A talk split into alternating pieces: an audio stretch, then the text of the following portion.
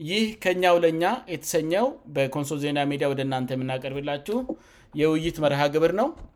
በዛሬው የውይይት መርሃ ግብራችን እዚህ ርእሰ ጉዳዩ ላይ እንዳስቀመጥነውእና እንደተመለከታችሁት መጪው የኮንሶ ምሁራን የምክክር ጉባኤ የምል ርእሰትነዋል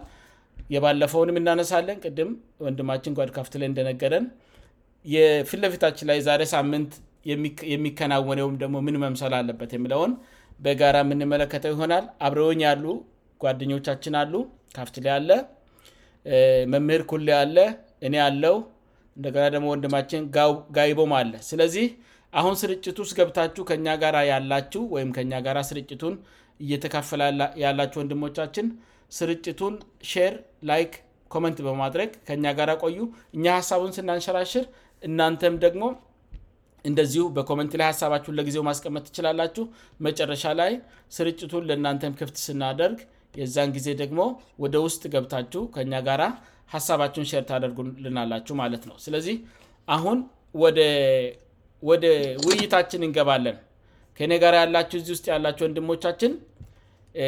ሀሳቡን ማቅረብ ጀምራለሁ ማለት ነው ስለዚህ የመጀመሪው እንደ መነሻ ሀሳብ የምናነሳው አምና ለመጀመሪያ ጊዜ የተደረገው ምናልባትም በኮንሶ ዞን ታሪክ ሊሆን ይችላል ብያአስባለው ለመጀመሪያ ጊዜ የተደረገው የኮንሶ ምሁራን የምክክር ጉባኤ ምን ምን አዎንታዊ ውጤቶችን አስገኘልን የሚለውን ሀሳብ እንለዋወጣለን በመጀመሪያ ማለት ነው ስለዚህ ከማን ልጀምር እስኪ ለኩ ድልስ ለአንተ ድል ስጥና አጠር አጠር አርገ አምና የተደረገው የኮንሶ ምሁራን የውይይት መድረግ ምን ምን ውጤቶችን አስገኝቷል ጠቃሚ ውጤቶችን አስገኝቷል የሚለው ላይ የምሰማኝን ሀሳብ ሸር አርገ ድምጽ አይሰማም ምንድነ የተፈጠረው ራሲን ክፈት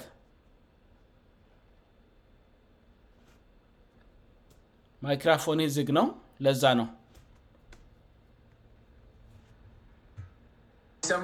አሁን ይሰማልራሲን ዘግተዋል ግን ያው ሆን ድምጽ ይሰማል ምስል ዘግተዋል ግንችግ የለ ይደርሳል አመሰግናለሁ በጣም እንግዲህ የእኛ ቤት እንስሰት አሁን እንደዚህ ፕላትፎርም ላይ ተቀናንቶ ማሁራት ራሱ የአሚና የምሁራን ውይይት ወይም ኮንፈሬንስ ውጠት ነው ብዬ ነው የሚያስበው እሱን የሚልበት ምክንያት ምንድ ዋናአነት ኮንስቶ የብዙ ምሁራን ማፍለቀይ እንደሆነች ያው ትያቄ እንደሁም እኛ ጎንሶዎችን ብቻ ሳይሆን ሌሎችም የሚመሰክሩት ጉዳይ ነው ሆኖም ግን የጋራ የህስፒ ጉዳይ የኛ የጎንሶ ህስፒ ብቻ ሳይሆን የግልልም የሀገርም ጉዳይ ላይ እንደህ ወንድማማች ሰብሰብ ብሎ የማወሩበት እድል አላገኝንም ነበር ማናነት ከዚህ በፊት ከአሜናው ኮንፍረንስ በፊትም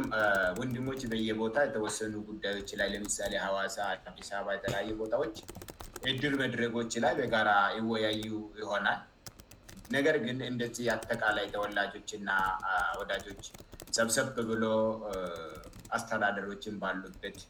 በህዝብ የጋራ የልማት የሰላምና ሰጠጣ አስተዳዳራ ጉዳዮች ማህበራዊ ጉዳዮች የጤና ጉዳዮች የትምህርት ጉዳዮች ላይ በካራ አንድ መድረግ ላይ ለመወያየት የምና በአሳታፍነቱ ብሳቱ ና በወሰዱም ጊዜም አንጻር እና የተነሱ አጀንዳዎች ወይም ውይት ዋና ዋናነትቦች በሆኑ አንጻር የመጀመሪያ እንደሆነ አስታውሳለሁም ዋናነት አምና አልነበርጉም ኔ ውይቱ ላይ አልተሳተፍኩም አዲስ አበባ የሆነ ጉዳይ ህጀ ነበር ከዛ ግን ኩት በአካል አዲስ አበባ በሆንም መንፈሳ ሀዋሳው ጎንሶ ሆኖ ነበረ ቆየው ሆኖም ምንድ አስገኘው የሚለውን ዋና ዋና ነጥቦችን ብቻ ለቢያነሳ አንዳንድ ጉዳዮች ላይ ዋላ እናነሳልኝ ግን አቀራርቦነገር አቀራርቦ ናል አንድ መስሪያ ቤት ውስጥም ይህንሰራ የነበረው ግን ማንታዋወቀውን በጋራ ጉዳዮች ላይ በጋራ ማወያየት መተያየቅ እንዳለብን አቀራርቦናል ባቀራረበን ባሻገር ደግሞ በምን ምን ጉዳዮች ነው የሚለው አንደኛው መንግስት የሚሰራቸው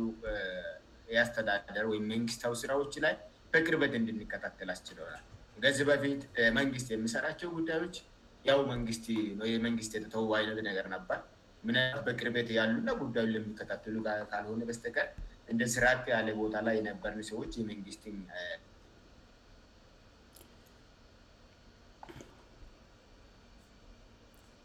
ምስና የሚያስፈልጋቸው ወይም ደግሞ ምግር የሚያስፈልጋቸው ምግር መስጠጥም ላይ እንደዚ አይነት ይድል አልነበርም ስለዚህ የባለቤትነት ስመት ፈጥሯል የአሚና ውይይቱ የባለቤትነት ምሁራን የህብ ጉዳይ የመንግስት ጉዳይ የግለ ጉዳይ ነው የጋራ ጉዳይ ነው የእልውና ጉዳይ ነው ብሎ እንድጠይል መንግስትንን በቅርበት እንድከታተል አድርጓል ብይነው የሚያስበው ትልቁም ነገር ይሱ ነው ሌላው ትምህርት ጉዳዮች ላይ ያሉ ነገሮችን ፎላፕ ለማድረግ የጤና ጉዳዮች ላይ ዋናነት እያንዳንዱነኝ ነገሮች ላይ ክፍትት ያሉ በሆኑን በቅርበት እንድንከታተል እና ያለው ነገር ላይ ሀሳቦችን እንድንሰጥ እና የቀጣዩ ደግሞ የጋራ ሊሆነው የሚችሉ ወይም ደግሞ የህዝብ ችግሮች የሆኑትን መሰረታዊ ስነቀል መፍትሄ የሚያስፈልጉ ጉዳዮች ላይ ይጋራ ወደፊት ያለንን ሪሱርስ ሞባላይ አድርገን ወደፊት እንዴት እንፈታለን የሚሉ የጋራ ቪዥን አንደኛው ከመነሻችን ተሰብስብን እንድንገናኝ የምንፈላለግ አርሆናል ተኛ ነገሮችን በክርበት እንድንከታተል አሪሆናል ሶስተኛ ደግሞ ወደፊት ልመጠ የሚችሉ ችግሮችን እንደት እንጋፈጣለን መፍትችን እንደት እናፈልቃለን የሚለውን ፋውንዴሽንስቶን ወይም መሰረተ ድንጋይ ያስቀምተ ነው ብዬነው የሚያስቀምጠው ጓጭሩ ሌሎች ጉዳዮች ነው አላናወራለን አመሰግናለው መምህር ኩሌ እስኪ ቀጥለ ደግሞ ለጋይቦ ድልስጥ ና ጋይቦ አንተም እንደዚሁ ማይክራፎኒን ከፍተህ በአጭሩ ባለፈው አመት የተደረገው የኮንሶ ምሁራን የምክክር መድረግ ምን አዎንታዊ ውጤት አስገኝቷል ለኮንሶ አጠቃላይ ለኮንሶ ምሁራንም ይሆን ለኮንሶ መንግስት ሆን አጠቃላይ ለእኛ ለኮንሶ ልጆች ምን ውጤት አስገኝቷል ትላለ አንተም ሀሳቤን ሼር አርገን እስኪ ና ስልንብላችንም እንግዲህ እኔ ከራዛ አንጻር የተረዳሁትን ነገር ላጋራችው የውይይቱ ሀሳብ እንግዲህ አንድነት ከመፍጠር አንጻር የፈጠረው ትልቅ ነገር አለ ተለ በተለይ በህዝብ መሪዎል በተፎካካሪ ጎራ ያሉ ፓርቲዎች መካከል እንዲሁም ምሁራን መካከል የተፈጠረው ውይይት የፈጠረው አንድነት ወደ ህዝባችን ጭምር ነፍሶ የተሻለ ነገር እንደታየ እኔ ገምግም ያለው መልካም አየር እንደተፈጠረ ነው ይኔ አየሁት በእኛ መቀራረብ የሚጠቀመው ህዝብ እንደሆነ ያሳየንበት መድረቅ ነው ይ ነው ምንም አስበው የእኛ መቀራረብ ለህዝባችን በህዝባችን ና በመሪዎቻቸው መካከል ለሚፈጠረው ግንኙነት ትልቅ አስተዋጽኦ እንዳለው በተጨባጭ ያሳየ ስብሰማ ነው ብዬ አስባለሁ ስለዚህ በአጠቃላይ የሰላም አየር ነፍሷል አሁን የሚፈጠሩ መልካም የሚመስሉ ነገሮች መፈጠር የጀመሩት ከውይይቱ በኋላ በትብብር መንፈስ አንድ ላይ ሲሰራ ምን አይነት ነገርን ሊፈጠር እንደሚችል ከዚህ በፊት በተወያዩት ነጥቦች ስለተጋሩ እና ስለተወያዩበት እየሰሩበት ነው ምንም እንኳን የሆነ ነገር ክፍተት ልኖር ብችልም ጥሩ ነገር ነው እኔ ያየት እና እነዚህ የመሪዎች መቀራረብ ለ ተዋካሪ ፓርዎሪና የምሁራን መቀራረብ ያለው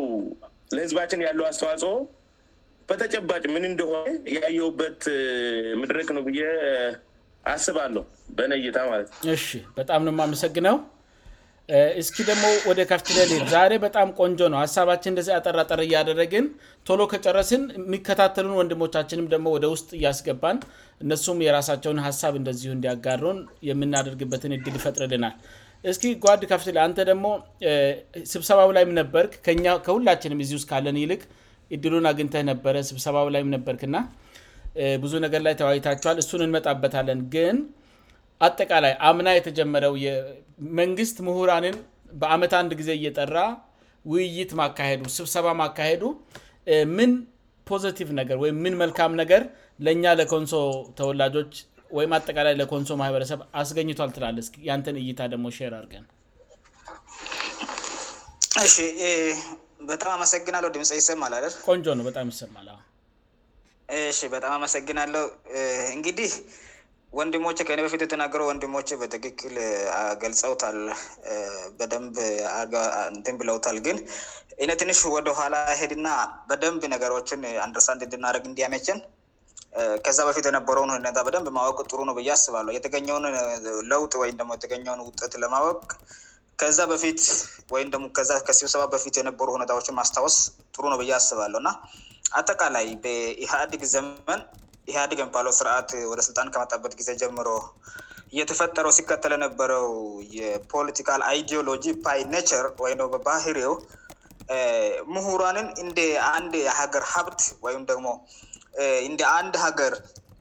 ትልቅ ሪሶርሴ ሳይሆን እንደ ትሬት ነው የሚመለከተው ማለት እንደ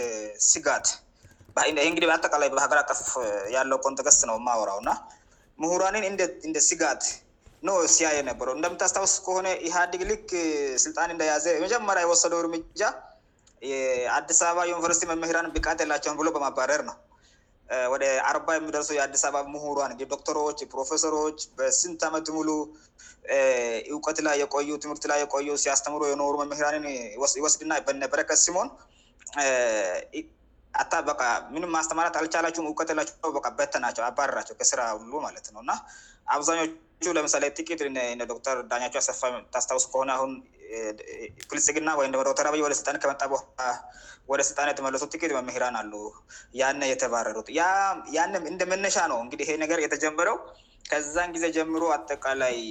ኢህአዲግ ሲከተለ ነበረው ምሁሯንን የማባረር የማግለል ና የማንኳሸሽ የም ዲዛይን ነገሮችን ሲከተለ ነበረውና አንድ ወቅት ላይ በጣም ትችት እቀረበባቸው ኢህአዴጎች ላይ ለምንድ እናን ምሁንን የማታሳትፉት እና በብዛት እና የሆነ ክላስ ላይ ወስምተኛ ሰባተኛ ወስድስተኛው ክፍል ክላስ አቋርጣችሁ ጫካቀባችሁ ከዛ ደመሎ ተመለሳቸው ስልጣን ያዛችሁ ከዛ በቃ ሀገርን እየመራችሁ ግን ምሁሯንን አትወዱም የሚል አይነት ክረተ ሲበዛበት የተወሰኑ ምሁሯንንን ሰበሰበን አስገባ ፓርላማ ውስጥ ወይም ደሞ ስልጣን ላይ የተወሱኑ አስገባእና ወደአሁኑ ሰበሰባቸውእና ምንድ ያላቸው እናንተ ምሁሯንን ብላችሁ እንታጥ እን እንዳትሉ እኛ ፖሊሲ ማውጣት አላቃተንም እኛ ሀገርቱን መምራት አላቃተንም ዝም ብለን እናሳተፋችሁ ብለን ነው እንጂ እናን ያን አላስፈላጊ ላችብሎ ነውግየሆነ ሲ ሰባ ውስጥ የተደረገ መረጃ አይነ ያለኝ ማለት ነውእና አስተቃላይ ይሄ በሀገር አቀፍ የተደረገ ምሁሯንን የማግለል የመፍራት እና ሊማት ላይ ያለማሳተፍ እነዚህ ነገሮች በረጅሙ የኢትዮጵያ ህአዲግ ታሪክ ውስጥ የምናስታውሰው ነው ስፔሲፊክሊ ወደ ኮንሶ ሲንመታ ደግሞ እንደምታስታውሱት እንግዲህ ከዛ በፊት በኢህአዲግ ዘመን ታክታላችሁ በተለየ ደግሞ በዩኒስኮ ጊዜ እንሄዳለን ዩኒስኮ ጊዜ ታስታውሳላቸሁ ባት አንዳንዶቸ ሄዳሁ ሊሆን ይችላል ም ብዙ ጊዜ ተመላል ይሄጃለው በዚያን ጊዜ ደግሞ ሲደረገ ነበረው ኖ የኢህዲግ ግንቦት ሀይ አካባቢ ነው በዛት የሚካሄደው የኢህዲግን ፕሮፓጋንዳ ሲንድነዛ ነበረ ስንሄድ ነበረው ማለት ነው ሄደን ለኢህአዲግ ስልጣን ለማጨብጨብ ነው እንጀ ሚናሄደው በትክክል የሀገሪቱን ሁኔታ የአካባቢውን ኑሮው ለመቀየር አልነበረ ከዛ በኋላም ተሳውሳሪዎች ለውጥ ከመጣ በኋላም አካባቢችን ላይ የነበረውን በጣም ክራይሲስ ያለመስማማት ያለመደማመት መንግስት ተቃዋሚ ና ደጋፍ በሚል አይነት በጣም ብዙ አይነት ኮራኖ የነበረውና እንደዚህ አይነት ውጥንቅቶ የወታ እና ሰው ርስ በርስ የማይተማመንበት በተለይ ደግሞ ከዚ ከመዋቅር ጥያቄ ጋር በተፈጠረው ችግሮች ምክንያት ርስበርስ የማይተማመንበት ሰው ሰውን የማያምንበት ቨን ጤላውን እንኳን የሚሸሽበት ጊዜ ነበረ ማለትነው ከዛ በፊት ነበረው አብዛኛው ይሄ የኢህዴግ ፖለቲክስ ያበላሽ እግዲበጣም ኢዴግን የሚልበት ምክንያት አሁን በዚህ በበልስገና ዘመን ነገር ኮምፒት እንድቋረጥ እና ሮንግ እንደሆነ ሰው ሁሉ እንዲያስብ ለማሳስብ ነውእና በኢህአዲግ ዘመን የነበረው ከፋፍለ ጊዛ ነው ስራ ጦርቶ ዲቫይድ ንሩል አይነት ፕሪንሲፕል ስለሚከተል በጣም አስቸጋሪ ጊዜ ነበረ ሰውር ስሲሲንነሮች ስለነበሩ በጣም ክፉ ጊዜ ነበረያሳልለፍነውማትቢንንሶም እንሀገር ግን በእውነት ለመናገር እዛ ውስጥ ስለነበርኩ ያነ ሲቱ በደንብ ነው ፊል ያረኩት ያነ የነበረው ፊሊንጉ የህዝቡ ሪክሽን ምን እንደነበረ በደንብ ነው ማስታውሰው እና በዋናነት እግዲህ ብዙ ልጆችዚ የተናገሩ ልጆች በትክክል እንደተገለእንደተናገሩት የመጀመሪያው የመጣው ለውጥ የመጣው ጥቅም ምንድነ ከተባለ በህዝብና በአመራር መካከል ያለውን ሽንቁር ወይም ደግሞ ይሄ ክፍፍል ቀል ደፍኗል ወይም ሙሉ በሙሉ ዜሮ አርል ለት ንሽል እንኳን ቢያንስ አርግቧል ማለት ይቻላል ማለት ነው እንደምታስታውሱት በምርጫ ዘበብ በተለያዩ አይነት ምክንያቶች በህዝብና በአመራር መካከል ሊሆን ሚኒኬሽን በደንብ አልነበረው መንግስት ድሮ እንደነበረው እንግዲህ በኢህአደግ ዘመን እንደነበረው ነገሮችን በሀይል የማስፈፀም የማስፈራራት እንደዚንዛ ነገሮችን ገር የመጠቀም አይነት ነበር ህዝብ ደግሞ መንግስትን ያለማመን የምናገሩትን ነገር በትክክል ያለመተግበር እንዚህ ንዚ ነገሮች ነበሩ በህዝብና በአመራር ማካከል በጣም ትልቅ የሆነ ክፍተት ነበር አንዱ ይህንን ኮምፕሊት ወይም ደግሞ ይን በተወሰነ መልኩም ቢሆን ቀንይሰቶታል ማለት ይቻላል ይህን ያስተካክሎታል ማለት ይቻላል ምክንያትም ከሲብሰባ በኋላ ህዝቡ ትንሽ እፎይ ነው ያለ እውነት ለመናገር ማለት ነው ህዝቡ በግዚአብሔር ዛ የኛን ጸሎት ይሰማ ብሎ ነው ምሁራንና አመራሮች ሲተወያዩ ጊዚአብሔር የኛን ጸሎት ሰማ ብሎ ነ ሲያመሰግን የነበረው ማለት ነውእና በህዝብና አመራር መካከል ያለውን ክፍተት ሽንቁሩንደፍኗል በሁለተኛ ነገር ደግሞ በአመራርና በምሁሯን መካከል የነበረውን መጠራጠርና ፍራሃቻ ቀርፎቷል ማለት ይቻላል እንደምታስታውሱት መስከረም አካባቢ እግዲህ እፈሎ በደንብ ያስታውሳሉ ከሩቅ አገር መጥተው ስብስባና ያካሄዳለን ብሎ ከዛ በምን ምክንያት ተሰናክለ እንደቀረ እንደብ ያስታውሳላችሁ ይሄ ምንም አይደለም ፍርሃት ነውእንግዲህከዛ በፊት የነበረው ልምዱ እንዳልኳችሁ ምሁሯን የአንድ አካባቢ ሀብትና ሪሶርስ ሳይሆን ሲጋር ክሬት አድርጎ ስለሚያዩት ስብሰባውን መንግስትን የመገልበጥ መንግስትን የመቃወም እና እንድዝድዛ ሀገር ስለመሰላቸው በወቅቱ አልተቀበሉትም ብዙ ችግር ነበረ ማለት ነው እና ነገር ግን ያን በተደረገው ስብሰባ ምሁሯን በእውነት ለህዝቡ እንደሚያስበው ለአመራሩም ጭም ማስታሳሰብ እንዳላቸው ፖዘቲፍ አመለካከት እንዳላቸው አሳይተዋል አመራሮቹም ደግሞ ይሄን ሁሉ ሪስክ ወስዶ ምሁራንን ለመቅረብ በመሞከራቸው ራሱ በስንት ጫና ውስጥ እንዳደረጉ እናውቃለም በተለይ ዞላ ያሉ አመራሮች የስብስባ እንዳይካሄድ ከፍተኛ ተቃውሞ ነበረባቸው ከክልልም ይሁን ከተለያዩ አካባቢዎች ይሄ ነገር እንዲቀር እና እንዲሰናከል በጣም ብዙ ትረት ተደርጓል ይን ሀላፍነት ይወስዶ ሪስክ ይወስዶ ያንን ነገር ያደረገው የዞን አመራሮችም ለምሁራን ያላቸውን ክፍት የሆነ ልብ ለማሳየት ቦጣም ብዙር ከትሄደዋል ምሁራንም ከተለያየ ከሩቅ አካባቢ ማንም ሳይቀር ማለትው ከተለያየ አካባቢ ከአዲስ አበባ ከደቡብ ሞም እንደና ደግሞ ከያገሎ ከኬንያ ሁሉየመጡ ነበሩ ማለት ነ በዚያን ጊዜ እና ከፍተኛ ዋቃ ከፍሎ የአካባቢያቸው ማህበረሰቡ ጉዳይ አሳስባቸው መቶ ደግሞ ምሁራንን ው እዛ የነበረ አመራር በመተጨት ም በማንቋሸሽ እና በማለ ሳሆን ፖዚቲቭ በሆነ ወይ ውይቶች ላይ በመሳተፍና ንቁ ተሳትፎ በማድረግ ነገሮች ወደ መፍትሄ እንዲመጡ በማድረግ ከፍተኛ ትረት አድርገዋል መጨረሻ ላይ ውጠቱም እንደያየነው በጣም ፖቲ የሆነነር መል ማለት ነውእና ሁለተኛ ጥቅም የነሳ ንድ በአመራርና በምሁራን መካከል የነበረው ክፍተት እና መጠራተር በጣም በጉልሄ መልኩ ቀርፎልማለት ይቻላል ሁለተኛ ሶስተኛ ማለት አብዛኛው እንግዲ ከዛ በኋላ ሁላችን አውሩትን ብዙ ነገር ረጉ ችግሮችን አንስትን ካወራ በኋላ ዚ አካባ በምደረጉ ማናቸው ጉዳዮች ላይ በንቃት የምንከታተለው ማለት ነው እዚ አካባ ያለው ምን እየተደረገ ነው ልማት ስራዎችም Eh, እያንዳንዷን እንቅስቃሴ eh, በኒቃትና እንደባለቤትነት ለማየት eh, እንትንችልና የኛ ነው እንትም ከዚበፊት ምሁሩ አኩርፏል የሆ ነገር ፈጠኑ እንኳን አያገባኝ የሚል ነገር ነው በብዛት ነበረው ነገር ግን ከስቢሰባ ኋላ እያንዳንዱ ነገር አንዳንድ ጊዜ እኳን ታሳውሳላቸ አንንድ የማሃይበረሰቡ ነይሞ የኮንሶንሲም በተሳሳተ መልክ የሚገልጹ ሚዲያዎች በተለይ በዚህ ባለፉት በግጭቶ ጊዜ በጣም ከፍተኛ የሆነ ችግሮች ነበሩ ያንን በጋራ የማውገዝ እና ነገሮችን ወደ ትክክለኛ መስማሪ እንደመጠ ማድረግ የጋራሃላፍነት ብርብ ሲደረግ ነበር አንዳንድ ችግሮች ሲኖሩ ወዲውነው የማስተካከል ወይ አስተያየት መስጠት በዛ በኩልም ደግሞ በአመራሮች መካከል በኩ ያለው ደግሞ አንዳንድ ጊዜሁራኖች በጣም ኮታ ስሉ ወይም ደሞ የሆነ አስያት ኔጌቲቭ ነገር ሲያበዙ ወደያውኑ ነገሮችን ረገብ የማድረግ ገርየሚታያልሽ የሁራንንም የልብትርታ ማዳመጥ ነገ ያለ ይመስለኛልዚህ ብንሰንስ አንረስ አን አደርጎ ማለት ነእንደባለፈው ምንታመጣላቸሁ ሚል አይነት አይደሉም ወይም ደሞ ና የፈለጋቸሁ ራሳን እውቀ ራሳቸአርየሚነትብርትና ወርድ ባይ ወርድማስታውሰው የዞን አመራር ሆኖ የእናንተ ወርከት ለእኛ ዳቦ አሆንምብሎ ምሁራንን ወይም ደሞ የተማሩ ሰዎችን የሚያሸማቅቁ አመራሮች ነበሩ ንዲዛን ሲስተም አሳልፈናል የእናንተ ወርቀት ለአርሶ አደራችን ዳቦ የሆንም እና ከፈለጋችሁ እንደፈቀድ ቅደዱ አይነት የሚሉ አሉአመራር ሆነ አሁን ግን ያለው አትሞስፈር እንደዚህ አይደለም ቢንስ ምሁንን አስተየት የሚያከብሩ የሚቀበሉ አይነት አመራሮች በተወሰነ መል ተፈጥሮል ማለት ይቻላል እና በጣም በአጭር ቃለ ግለጽ ባል የኮንሶን ህዝብ ሊፕ አሳርፈዋል ማለት ይቻላል እውነት ለመናገር ያን የተደረገው ሚንግ ን የተደረገው ስብሰባ የህዝቡን አጠቃላይ ህዝቡ እንግዲዛ ውስጥ የምሁሩንም አመራሩንም ያለሆን አጠቃላይ የህዝቡን ሊፕ አሳርፈዋል ብብናገር ያጋነኑ አይመስለኝም ይህን ነው እግዲ ናገር የሚችለው በጣም አመሰግናለው ጓድ ካፍትለ አንተ በደንብ ጥሩ አርገ ታሪካዊ ባክግራንድን ብዙ ነገሩን ሰትናል በጣም ነ መሰግነው ምናልባት አንድ ነጥብ ብቻ ለመጨመሪያ እህል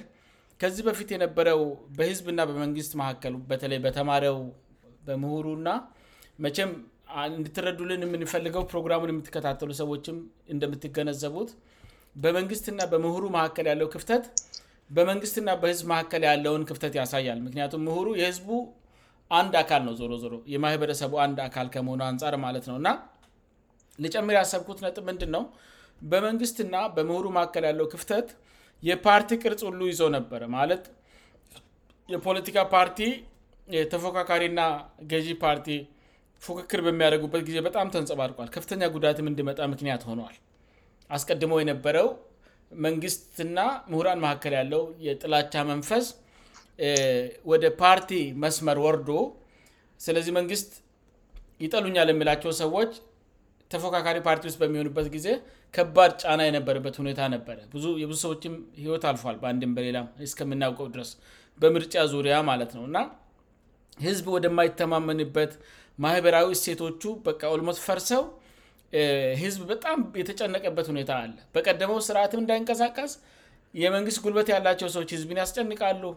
እንደገና ደግሞ በሰላምም አብረ መኖር እንዳይቻል መቀራረበ አልነበረ ማለት ነውና ይህንን ትልቅ ቁርሾ ቀርፋል ብዬ ነው ማስበው ስለዚህ ከእንግዲህ በኋላ ሰዎች በፖለቲካ አቋማቸው ብለያዩም የአንድ አካባቢ ህዝብ መሆናቸው ይታወቃል ለጋራ መልካምነት እንደሚተጉ ይታወቃል የዚህኒ ያክል እንደ ጠላትና እ መጥፋት እንዳለባቸው መተያየቱ አይኖርም ማለት ነው ብ ነው ማስበው ምክንያቱም ይሄ ቀላል አደለም በመንግስትና በህዝብ መካከል ያለው ክፍተት የፖለቲካ ቅርጽ ሉ ይዞ በጣም ከባድ ጫና እየፈጠረ ስለነበረ ማለት ነውለዚህ ይህም ተቀርፏል ብለን ነው የምናስበው በእርግጥ ምርጫ ሲመጣ የሚታወቁ ነገሮች ቢኖሩም በአንዳንድ በኩል ፖለቲካዊ ነገሮች በምርጫ ነው የሚለዩት መሻሻሉ እውነት ነው እውነተኛ አደለም የሚለው በምርጫ የሚጣራ ቢሆንም ምርጫ በኋላ ራሱ ለረጅም ጊዜ በቀበለ ደረጃ ሁሉ ጥላቻዎ ተፈጥረው ህዝብ ሲገፋፋ የነበረውን ልክ ምሁራን ሲስማሙ በየቀበለያቱ እርቅ ላ ሲደረግ ነበረ እውነተኛ እቅ ማለት ነው ሰላሚ አለበት ሰው ልቡ ተረጋግቷል ከፍቴላአ እንዳስቀመጥከው በጭሩ የሰውን በተለየ የማህበረሰቡን ልብ ያረጋጋ ሁኔታ ፈጥሯል እና በጣም ትልቅ ነገር ነው ለእኛ ለኮንሶ እንግዲና ይህንን መልካም ነገር ከሰጠን እስኪ አሁን ደግሞ ወደ ሁለተኛው ሀሳብ እንምጣና ሁለተኛን ሀሳብ ከዚ ጋር እያይዘን ለማየት እንሞክር እንግዲህ የአምና ስብሰባ ይሄን ያክል ለውጥ እንዲመጣ ወይም ሄን ክል ተስፋ የሚሰጥ ሆነ የተገኘበት ምክንያት ስብሰባው ላይ የተነሱ ነጥቦች ናቸው ቼምለ እስኪ የአምናው የምሁራን የምክክር ጉባኤ ላይ የተነሱ ጉዳዮች ምንምን ነበሩ እግረ መንገድ ደግሞ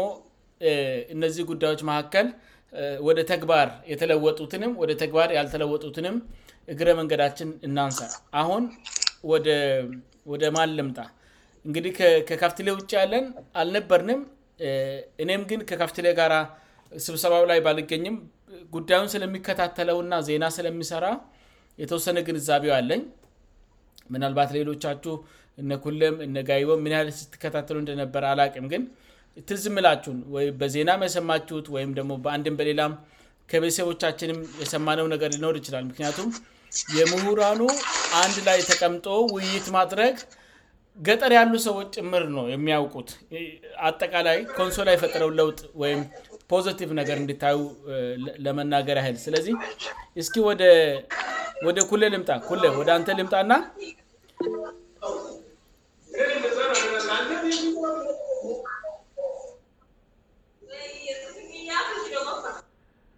ብዙም አልገባኝም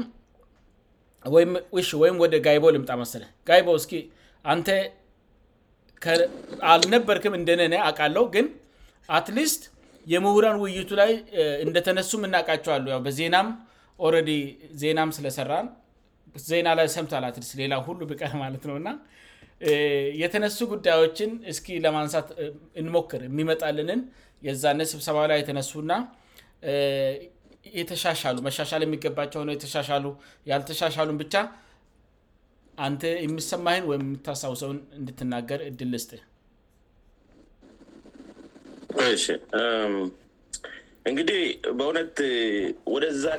መግፊ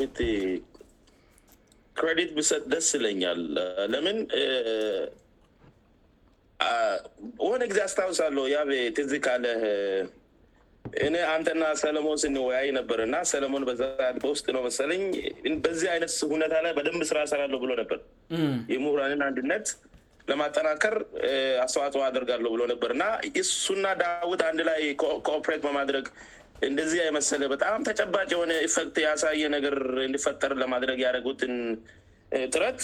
በእውነት ትልቅሰጣለ ፕሪሽን ይሰጣለሁ በነት ምክንያቱም ካፍቴ የተወሰነ ሂስቶሪካል ባክግራንድ ነገረን ከዚህ በፊት አንድ የህዝብ መሪ በምን አይነት መልኩ ምሁራንን እንደሚመለከት ሆነ ሀሳብ እንዳገኘን ተስፋ ርጋለሁ ስለዚህ ምሁራንን አቅርበ ሀሳብ እንደሚሰጡና ሀሳባቸው የተወ በተወሰነ መልኩ ልረዳ እንደሚችል በማመናቸው ና አቅርበ ሀሳቡን ለመስማት ፍቃደኛ ብቻ በመሆናቸው ራሱ ትልቅ ፍላጎት አላቸው ር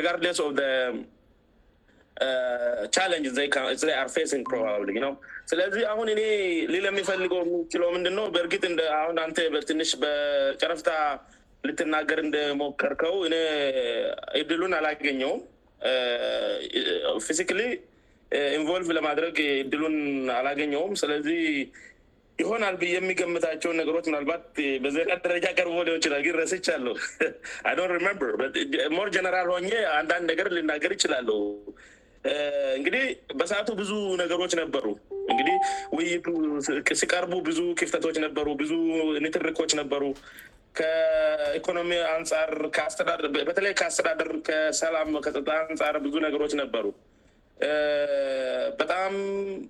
ደስ የማይሉ ነገሮች ነበሩ በህዝብና ለህዝብ ከሚያገለግሉ ሰዎች መካከል በተለያየ አቅጣጫ የሚፈጠሩ ነገሮች በጣም ጥሩ ምትን አልነበራቸውም በዛ ምክንያት እንግዲህ እንደዛ አይነት ነገር ስፈጠር ይሄ ነገር ይ ውይይት እነሱን ነገሮች ድዞሎብ አድርጓሉ ብያያስባሉ እነዚህም ነገቲቭ ነገሮች ምናልባት ለምሳሌ አሁን ወደኋላ መልሰን ብናስበው ምናባት ታሪክ ይጠቅማል ታሪክ አንዳን አላስፈላጊ ነገር እንደነበረና ወደፊት እንዳይደገም ለማድረግ ታሰባል ይነገራል ስለዚህ አሁን ለምሳሌ በህዝብ ህብረተሰቡና በፖሊስ በጥታ አካላት መካከልሲደረግ የነበሩ አንዳንድ ጥሩ ያልሆኑ ነገሮች ምናልባት ምንድ ነው የሚባለው ተፎካካሪ ፓርቲዎችእና መሪዎች በዛ በሰአቱ ህዝቡን የሚያገለግሉ የህዝብ መሪዎች መካከል የሚፈጠረው አንዳንድ ፍጭት ፖለቲካል ኒትርኮች እንደዚህ አይነት ነገሮች በምን አይነት መልኩ መሄድ አለባቸው የለን ነገር ሀሳብ ያነሱ ና ሰላም እንዲፈጠር ቅድሚ ሁኔታዎች እንዚደዚህ ነገር ቢደረግ ብሎ ግምታዊ አንዳንድምሁራን የመነጭ ሀሳብ ተጠቅመው ይ ነገር እንዲፈጠር እንዳደረጉ በተፈጠረው ነገር ይገምታለሁ ስለዚህ ምንድነው እኔ በአጠቃላይ የገባኝ የምሁራን ሀሳብ እና አንድ ላይ እነሱ ጋር ተሰብስቡ ሀሳባቸውን ለመስማት የተቀመጡ አካላት መም ምሁራን ስንል እነሱንም ይጨምራል በነገራችንላይ እነሱም የተማሩ ሰዎች ናቸው እነሱበአጋጣሚ ፖለቲካል ፖሽን ላይ ስለተቀመጡ እንጂ ር ኢንትትናቸው ያቃሉ ሀሳብ አሉ ናቸው ግን የነሱ ብቻ ሀሳብ እንዳይሆንና ከተለያየ ቅጣጨ ሀሳብ አግኝቶ ነገሮችን በጋራ በአንድነት እንድሰራ ለማድረግ ነው ምሁራን የሚፈለገው እና በዚህ አይነት ፖይንቶች ላይ ሀሳብ ተዋይተው ምናልባት እንግዲህ በኋላ ላይ በአካል ኢንቨልቭ አድርገው ነገርን በተጨባጭ የሰሙ አካላት ሪክሽኑን ያዩ አካላት ከዚ በ ስጣሉ የነበሩ ሰዎች አንድ ላይ ተቀራርበው በምን አይነት መልኩ ስታርቁ እንደነበረ ዩና ፊል ያረጉ ፊሲክ ፊል ያደረጉ ወድሞቻችን የተሻለ ዝርዝር ና ተጨባጅ የሆነ ነገርን ሊነግሩን ይችላሉ ግን እንደእኔ ምንድነው የማስበው ምሁራንን እንደ ሀሳብ ባንክ ነው ብዬማስበውእና ይህን በኋላ በደንብ አድርጌ እንወያያለን ግ በአሁን በጠየቁ ጥያቄ መሰረት ሳስበው እንደዚ አይነት ጀነራል የሆነ ፊሊንክ ይሰማኛል እ በጣም አመሰግናለው ጋይቦ ው ሁላችንም ጠቅላ ያለ ነገር መናገር ምንችል ይመስለኛል ዞሮ ዞሮ ምክንያቱም ውይይቱ ላይ የቀረቡ ነገሮች ዞሮዞሮ በአንድን በሌላ መንገድ ይ መገፋፋቱን የምነካ ነገር ሊሆን ይችላል በዋናነት ማለት ነውና እስ እድሉን ለካፍትለ ልስ ሁንም መጨረሻ ላይ አርገኝስላለኝ ነው ካፍት ደግሞ ከኛ ሁሉ የተቻለ ቦታው ላይም ስለነበረ ብዙ ያስታውሳል ብስባለሁና ካፍት እንግዲህ ሪሶር ፐርናችን ነው ብዙ ሪሶር አለእሱጋ ከሁላችንም ድሉን አግኝ ስብሰባ ቦታ ላይ ነበ ስለሆነማነውለዚ እስ ካፍት የምታስታውሰውን በስብሰባ ላይ የተነሱ ነጥቦችን ታነሳልናለ ግን እንደ እግረ መንገድ ውይይቱን የሚከታተሉ ወንድሞቻችንም አሉ በተለይ እዚህ ነጥብ ላይ በኋላ አስተያየ ሲሰጡ እናንተን መስመሩን ክፍት ስናደረግና እናንተም ወደ ውይይቱ የገባችሁ ሀሳብ ስትሰጡ ይህንን ነጥብ ያዙልን በአምና ስብሰባ ላይ የተነሱ ጉዳዮች ምን ምን ናቸው አንዱ ለሶስት የምታስታውሱትን እንድታነሱና ከነዚህ መካከል ደግሞ ወደ ተግባር የተለወጡእና ፈጽሞ ወደ ተግባር ያልተለወጡም ካሉ እነዚህን እኛም እያነሳን ነው እናንተም እንድታነሱ ፈልጋለሁ እስኪ ሁን ወደ ካፍትላ ሊመልሳችሁእና ካፍት እ በአምና ስብሰባ ላይ የተነሱ ጉዳዮችን አንሳልንና ምናልባት ከነዚህ መካከል ወደ ተግባር የተለጡም ያልተለጡም ካሉ እግረ መንገድ ማንሳት እንችላለን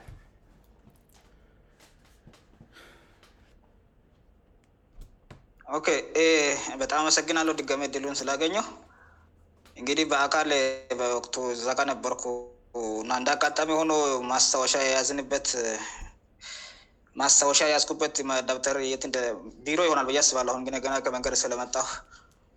ቃዎችን ብዙ በርብሬ አላገኘሁትም ይና ስጀነራል ማስታወሳቸው ነገሮች ለማስታወስ ሞክራለሁ በመጀመሪያ ላይ እንግዲህ ስብሰባ ላይ ሲንሳተፍ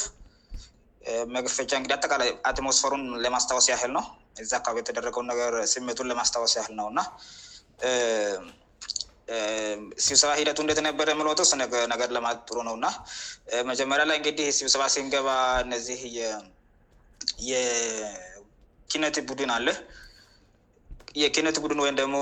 እነዚህ የኮንሶ ዘፈነ የሚሰፍኑ ሰዎች አሉ ወንድሞች አሉ እሱ እነሱ መቶ ብሮ ፕሮግራሙ በዚ ተከፍተዋል ያኔ የti ዘefanu untunochi ia nagaam nancho alsun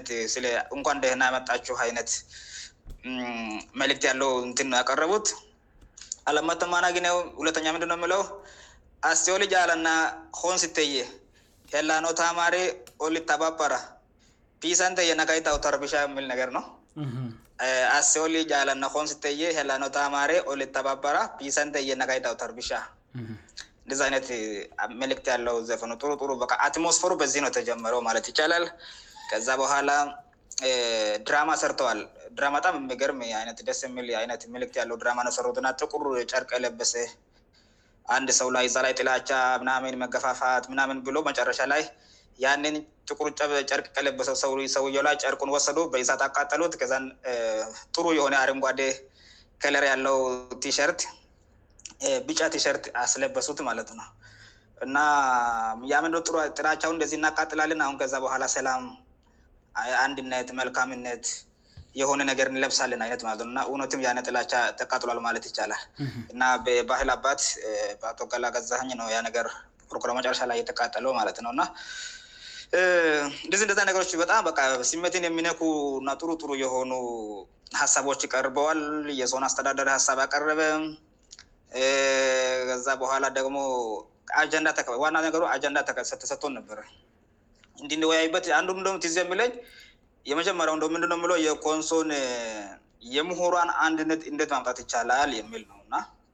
የምሁሯን አንድነት እንት ማምጣት ይቻላል የሚል ሳብ የጀመሪያ የያየ አጀንዳ ብሎርቀት ላይ ተስፎ ሰጥ ነው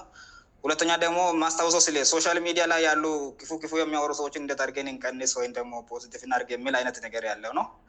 ሌሎች ሌሎች ጉዳዮች አሉ በብዙም በል በቃል በላስታውስንደነት ጉዳዮች በተለይግ አንድነት ላይ ርፎያደረገ ነበር ግን ምንድነው የሆነው እኛ ያንን ወርቀት ይዘንእንግዲህ አንዱም እኔም መሳተፉ ብቻ ሳይሆንአንድን ቡድን ሰጡማመለ የሚደርሱሰዎችን ድንያደጉይዲሆደንንሚያገለ ባዲአላአባናቸው ጋመደቡትንአራሽስ ገብን ሰዎችን ና አያይ ነው የተደረገውና ንድኖ የሆነው የተሰጠን ወርቀት አለግን ርቀታ ትንሽ ስለሆነ ያው ሀሳብ ሰዎቹ በዚህ መንገድ ሊድ ማለት ሽ አስቸግረናል እና እን አተቃላይ ፍሪ ያደረግን ማለት ነው አትሞስፈሩን ሜዳውን ሰዎች ምነው ቢያንስቢአንዳንድ ጊዜ ውጥረት በሰው ውስጥ ያለው ኢሞሽን ሲመት ሰው ከተነፈሰ ይቀንሳል የሚል ሀሳብ በሳይኮሎጂ ይታመናል መለ ዚህ ጉዳይ ላይ እና ሰዎች ውስጣቸው ያለውን ሀሳብ ሲያወሩ ሲናገሩ ቢያንስ በተወሰነመልኩ ሊ ያደረጋሉ ሊፍ ያገኛሉማትነው ሰዎች ማንኛውም ከመጽሐይ በታች ከንሶውስጥ አለ ተባለውን ችግር ያለ ምንም ፍርሃት ምንይደርስይብኛል ከዚ በፊት እነ ሰዎች የፈሩት የምንመስላል በጣም የሚገርማችሁ ማለት ነው እዚጋር የዞኑን አመረር ማድነቅ የሚፈልገው ነገር አለ በተለይ ዳትንምንድነው እዛ ያለው ህዝቡ በተለይ ስብስባ ላይ እንዲሳተፉ እድል የተሰጣቸው ሰዎች በጣም የፈሩት ምንድን ነው እና ቨን እንኳን ሲብሰባኑላ ሊበላሽ የሚችል እይችል የነበረው ጉዳይ ምንድንነው እዛው ያሉ ሰዎች ፕሮግራም የሚመሩ ቢሆን ስብስባ እርግጠኛ ነ አይሳካም ነበረ ምክንያቱም ዛሬ ማን የምንተናገር በምል ማስታወቻ ተይዘው ከዛ በኋላ ሰዎቹዚ በፊት እንደነበረ እንደኢህግማን ምንተናገር በምልና ግምገማ ላይ ወይም ሞ ሰዎችንእንደዝተናግርሃል በሚል ሰዎ ላይ የሆነ በደል የመፈፀም አይነት ነገር ስለምኖር ሰዎቹ ይህንን ፈርተው ነበረ ነገር ግን ምንድነ ያደረገው ዳት ዛ በጣም ቱሩ ነገሩ ምንም ከኮንሶ አካባቢካባቢ ካለው ሰዎች ጋር ምንም ይነንግለ እዳቸው ከሌላ ቦታ የመ እንግዶችን ብቻ ነው ፕሮግራሙን እንዲመሩ ያደረጉት ስለዚህ እኛ ስለዛ አካባቢ ርስበርስአንዱ ስስስር ዋይ ንይነት የግል ጠብ ዳላቸውናም ዛ አካቢእኛ ጉዳያችን ሁሉም ነገር ወደ መድረክ ወ ሰላ እንዲወርድ ነው እንጂ የግለሰቦችን ጠብትንለማድግ አልነበረምእና ነደሞ ለሰዎችበጣም ፖቲፍ የሆነ ፌድክ ጣቸውየናቸውጋጅ ጋቸውንድናገንናረግቸውብሁም ሰው ያደረገውረስ ሰጣቸውለ ነውምንም ብትናገሩ እኛን የምናወያያቸውና ምንም አነት ችር ንደለ እናን አስቡና የሚሰማቸው ማናቸውም አይነት ማንኛው ት ኮን ሶስት አን ለተባለውን ችር ሁላነፃነት አውሩ ብለን መድረጉን ነፃ ፍሪ አደረግም ማለት ነው ከዚም እዛ ሲሰባ ውስጥ የተሳተፉ ሰዎች እስኪበቃቸው ድረስ ሲመታቸውም በሚችሉት መልክ ገልጸዋል ማለት ይቻላል እና ለዛ ነ አሁን ለመያዝ አስቸጋሪ የሆነውና ይሄ የተነል ብለ ለመናገር የገብደው ያልተነሳ ችግር ስለሌለ ነው ንሶስት አን ለተባለ ችግር በይሄ ችግር ነው የተባለ ሁሉ ከድሮ ጀምሮ ሲወርድ ሲዋረድ የመጣውን የሲስተም ችግሮች የግለሰቦች ችግር የአስተዳደር የአመራር የፖለቲክስ የኢኮኖሚ ያልተነሳ የችግር አይነት የለም ማለት ይቻላልሲስባ ላይ ይሄ አንዱ ሰዎች እንዲትነፍሱ ወይም ደሞ ሪሊቭ እንዲያደረጉ ከአደረጋጀው ነገሮች መካከል በነጻነት ያለ ምንም ገደብ ሰዎች የስሜታቸውን እንድናገሩ ስለተደረገን ሉ ፓርቱ ይሄ ነውእናምባዚህ ኋላ ሲደረግ በዚህ አይነት መንገድ ሄድ የተለውለግ በደንብ ማስታውሰውና ደብ ምንድ የሚሆነው አካሄዱ ንደትነበረ እንየተለያዩ አይነት ስጥ ነው ውይ እየተደረገ ያለው እያንዳንዱ ስጥ የተነሱ ጥያቄዎች ይሰበሰቡና ን ላይ በን ፒተር ይፋረሻላ ሰው ፕዝት ያደርጋል ስለዚ ኛ ውስጥ ያሉ ቡድኖች አን ላይ ተሰብስቦ ን ሰው ረሻ ላይእ ደግሞይዘን ሌላው ሰዎች ጋር አቀላቅለን እኛ ጋር የተነሳው ሌላ ከተነሳ ተደጋመው ከሆነ አይፍም አንድነት ብቻ ነው የምፈው እነዚሆነነተጨፍ ልቆ መጨረሻ ላይ አንድ ሰው ፐርንት ያደረገው ማለት ነው ስለዚህ ከተነሱ ነጥቦች መካል አብዛኛው ቦታ ላይ የተነሱት ካልህ በሁ በጣም ወደውታሁሯንና በአመራሮላይደሞ በዝቡ መካል ያለው አንድነት ማስጠበቅ የግንኙነቱ ሁሉ ጊዜ እንዲፈጠርና ያነገር እንዲቀትል ማለትነአንዱ የተፈለገው ሱ ነው ኢቨን የተቀጠውቅር የተቀመጠው ምንድ ነው አመት አንድ ጊዜ ብቻ ሳይሆን በየመሀል ወ የምሁራን ተወካዮች ተመርቶ ከአመራር ጋር በቅርበት እንዲሰሩ እነሱን እንዲከታተሉ እና በየሶስት ወር ነው በየተሰኑ ወራት ሪፖርት እንዲደመጥ አይነት ነገር ተደርጓል ማለት ነውሁራን ህብረት ተቋቁሞ ከዛ ደግሞ ተወካዮች ተመርጠ እነዚህ ተወካዮች ደግሞ ከአመራር ጋር በቅርበት እየሰሩ እንዲቀትሉ ሀሳብ ተቀምጠል እንደ ዳር አቅጣጫ ነው የሚሉት እዛነገር ተቀምጠል አንዱ እንዳይድ ማለት ነው Eh, ሌላ ደግሞ በጣም በተደጋጋሚ የተነሳውእና ኮንሶ ስጥ እኛም የምናቆም ንደ የሀሰት ምስክርነት በጣም በየቦታ እየተነሳ ሀሳብ ነው ማለ ቻላለይሄፓርት ማለ ሀሰት ምስክርነት ያ ት እንደምታቁት ያላየው ሰው ላይ ሄደ የፖለቲካ ተቃዋሚ ወይምደሞ የሆነ ነው በሚል ሂሳብ የጠላ ው ሰው ላይ የውሸት ምስክርነት መመስከር የተለመደ ነበረካልቸር እእንደው ይሄየኮንሶን አንድ እውነት ብቻ የመናገርን ካልቸር ኮምፕሊትሮድ ያደ የሸረሸሪ አይነት አካሄድ ነብበጣም ተዲል ይ ፓርቲ የሀሰት ምስክርነት ሰው ላይ ያልሰማን ነገር በበመስከር ውሸት ባመናገር ዚዚነገሮች በጣም የተኑ ነገሮች ጉዳች ስጥ አንዱ ነው ሌላኛ ደግሞ የጠታ ጉይንደምታስታሱት ብዙ የሰጠታ ችግሮች ነበሩ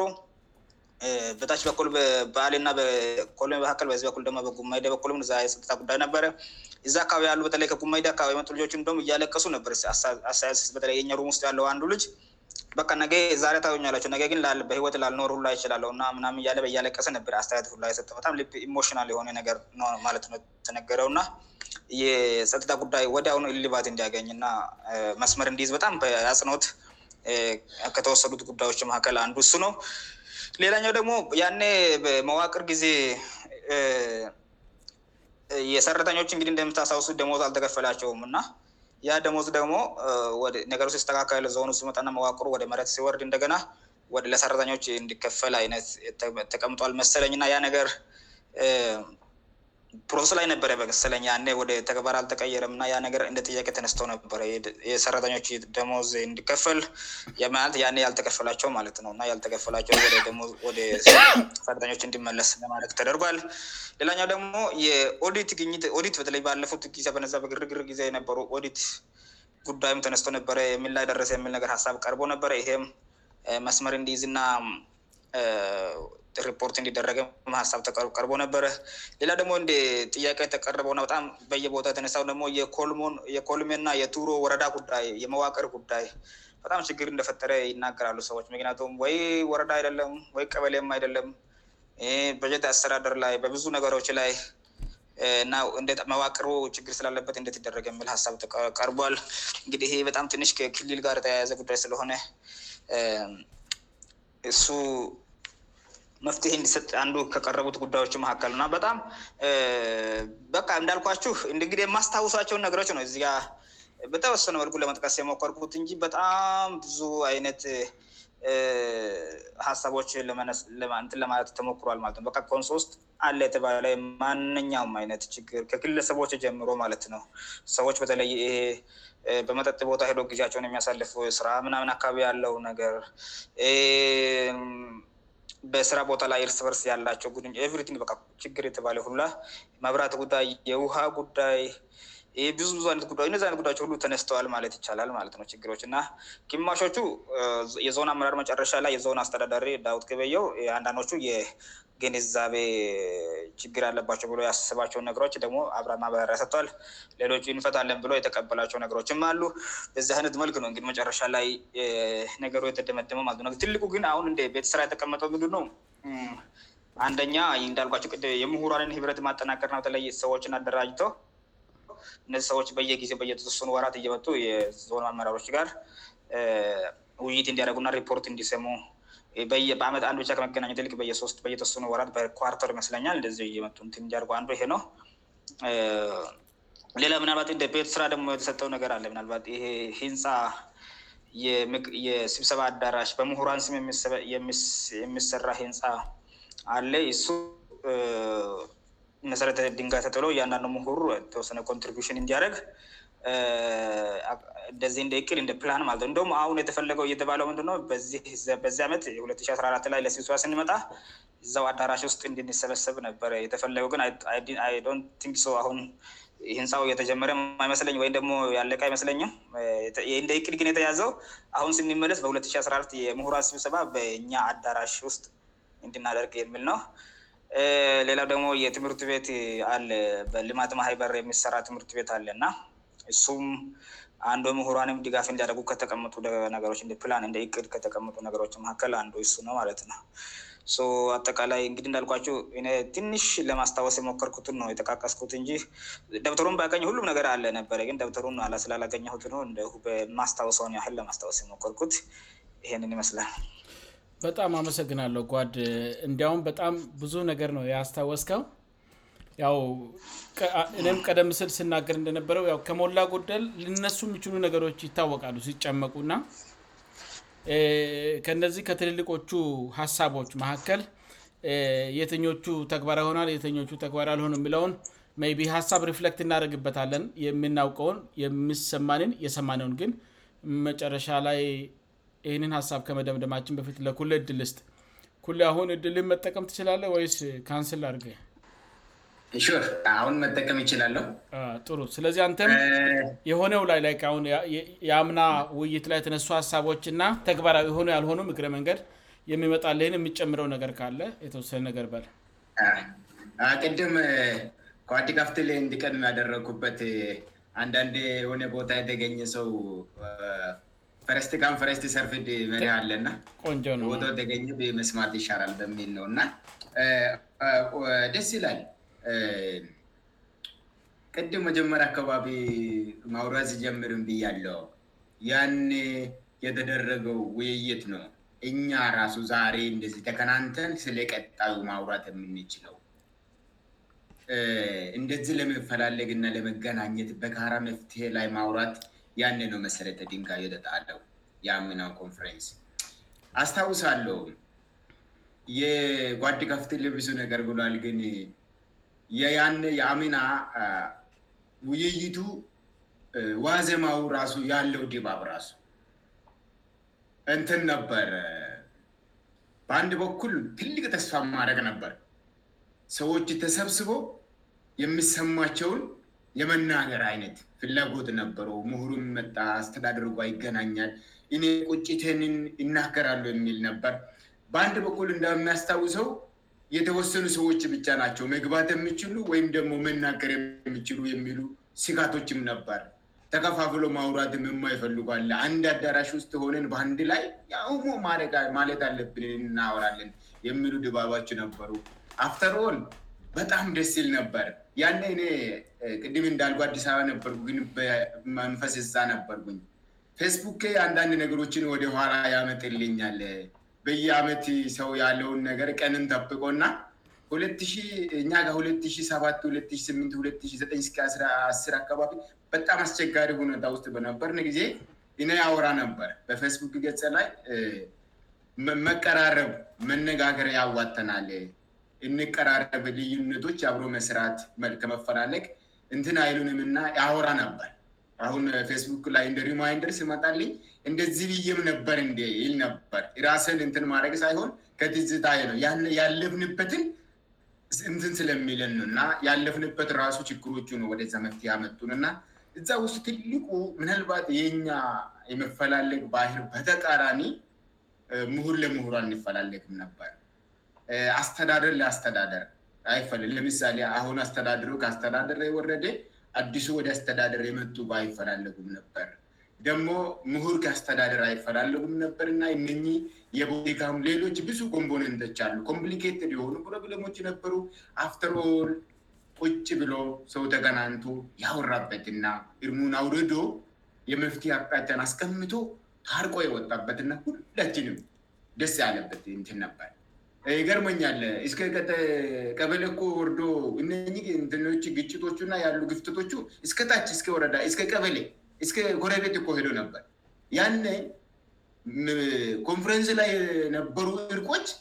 ሌሎች ወደ ታች ሰው ወርዶ ሳያስታርቅ ምን ተብሎ ነበር ላይ ምሁሩና ላይ ያሉ ሰዎች ስለታርቁ እኛም አብረን ታርቀናል አብረና እንድ ሆነናል የሚል ክልቁሪሌፌሱ ነበር እና ምንድኖ ወንድማ ሞጆች ተቀራርፍ ንድ ላይ እንድሰሩ ምሁር እንደ ሲካት ሳይሆን እንደ ሀብት እንደሆነ የታየበት ነበር ና አፍተርል ይሄን ብቻ ማሁራ ሳይሆን ምንድኑ አሁወደፊ ፎርዋርድ ሉክከትላንቱተነስተን ሁ አለንበትን ተረድተ ደፊክደሞሆን አለበትሚንአል ን ፍ ተደረገ ተከና ንልተናነ የሚለው በዋናነት ግልጽ ሆነ የሚታዩ ነገሮችን መናገርን ይችላለን ግን ሞሁር እኔ ቀጣዊ ውይይት ላይ ምንልባት ግዚብሔር ከረዳኝ ቦታው እኖራለው ነበርና እነህ ሚን አችፍ አርገናል ምን አላርግንም የሚለው ከጎሚቴው በኢንትሪፖርት መልክ የሚንሰማ ይመስለኛል ሆኖም ግን ሆኖም ግን አንደኛው የሰጥጣ ጉዳዮች አጀንዳ እንደሆነ እናውቃለን እና የሰጥጣ ጉዳይ ላይ አሁንም ይሄን አክል ማነትችሮች ብሳት ችሮች ተደራራቢ ከመሆናቸው አንፃር የሰጠታ ችግር አሁን ከአመት ዓመት እኛ ዘልቋል ምናልባት ቀጣዩ አጀንዳ ሊሆን ይችላል እና እሱ በኩል ያሉ ነገሮች እንትናሉ የማህበራዊ ገጾች አጠቃቀም በተመለከተ በዝን በዛም ባሉ ግፍተቶች እንዳሉ ያሳየናል ሌሎች ደግሞ ይበተለይ እንፈላልክ እንመካከር የሚለው ባለፎ እንደተባባል ነው ተፈላልክን ተመካክረናል ወይም ወይ ሀሳቡን ብቻ አንስተን ለያነው አቀናረበን ከዛ በኋላ ደግሞ አጀንዳ መድረግ ላይ ነው ቀረው ምናልባት አንዳንድ ነገሮች የምናያቸው አሉ ግልጽ ሆኑ አስተዳደር ሊአስተዳደር ለምሳሌ ግልላይ ያሉ ወንድሞቻችን እስከ ታች ሄዶ ታች ያሉ አመራሮች ጋር ኩጭ ብሎ አንዳንድ ጉዳዮች ላይ ስናወራ እናያለን እሳትስ ምፖርታንት ምሁሩም ባለበት እንደ ፕላትፎርምም ስናወራ እናያለን ስትቀናረብ እናያለን በተለይ ህዝቢ ጋ ያሉ ችክሮች ላይ ሰው እጥርን ሰምቶ የሊኩን በቃ ፊል አድርጎ ያለውን ሞባላይ ስለማድረግ ሌላውን በማስተባበር አይቻለሁን አንዳንድ ጓደኞች እን ጨምሮ ማለት ነው የሚቀርበል ሰውን እንደዚህ እንደዚኮ ችክራአለእና እንደዚህ እየተባበር ነውእና ን ወንድማችን ብትተባበር አንተ ኛ አባል ትሆናል የሚለው ስናድርግ እና ወንድሞቻችን ኮንትሪት አደርጉ ነበር ስለዚህ የህዝብን ችር አውነር ሆነናል ባለቤት መሆናችን አንድ አቺቭመንት ነው ግን ደግሞ ካለን ፖቴንል አንጻር ካለን ር uh, የሰው ኃይል ሪሶርስ አንፃር ካለን እውቀት አንፃር ምሁሩና uh, አስተዳደር ላይ ያሉ ሰዎች ከፖተንሻል አንጻር ተባብሮ መገኘት ያለበትን ውጤት ተገንቷል ወይው ሳተሰቤት ምናልባት ለሚቀጥለ የምናወራበት መተባበር እንዳለብን አንድ ላይ መስራት እንዳለብን ብይነቶችንድ ላይ ከመስራት uh, ሊገዱ እንደማይችሉ ተረደን ይበታል ግን ደግሞ ኤፌክቲ ሞባላይርተጠቅመን ይበታልነወይ እንደእኔ ይበኔ ግምገማ ክፍተቶች አሉ አርስእርስ እንው ከመተባበር አንጻራ በአዲስ መልገ የገረሼ የመጠራጠር ምሁርና አስተዳደል ያሉ ሰዎች በኮሚኒኬሽን በአንድ ነገሮች ላይ መጠራጠርና በአዲስ መልክ የገረሹ ክፍተቶች ያሉ እና እሱን ታዘዳለው ሌላ እድም እጓድ ከፍትላ ያነሳው ብሱ የፋይንስና ኦዲትክ ጭግሮች አሉ ንሶ አካባቢና ተ ሁለትሺህ ሰባ ሲሚንት ምናና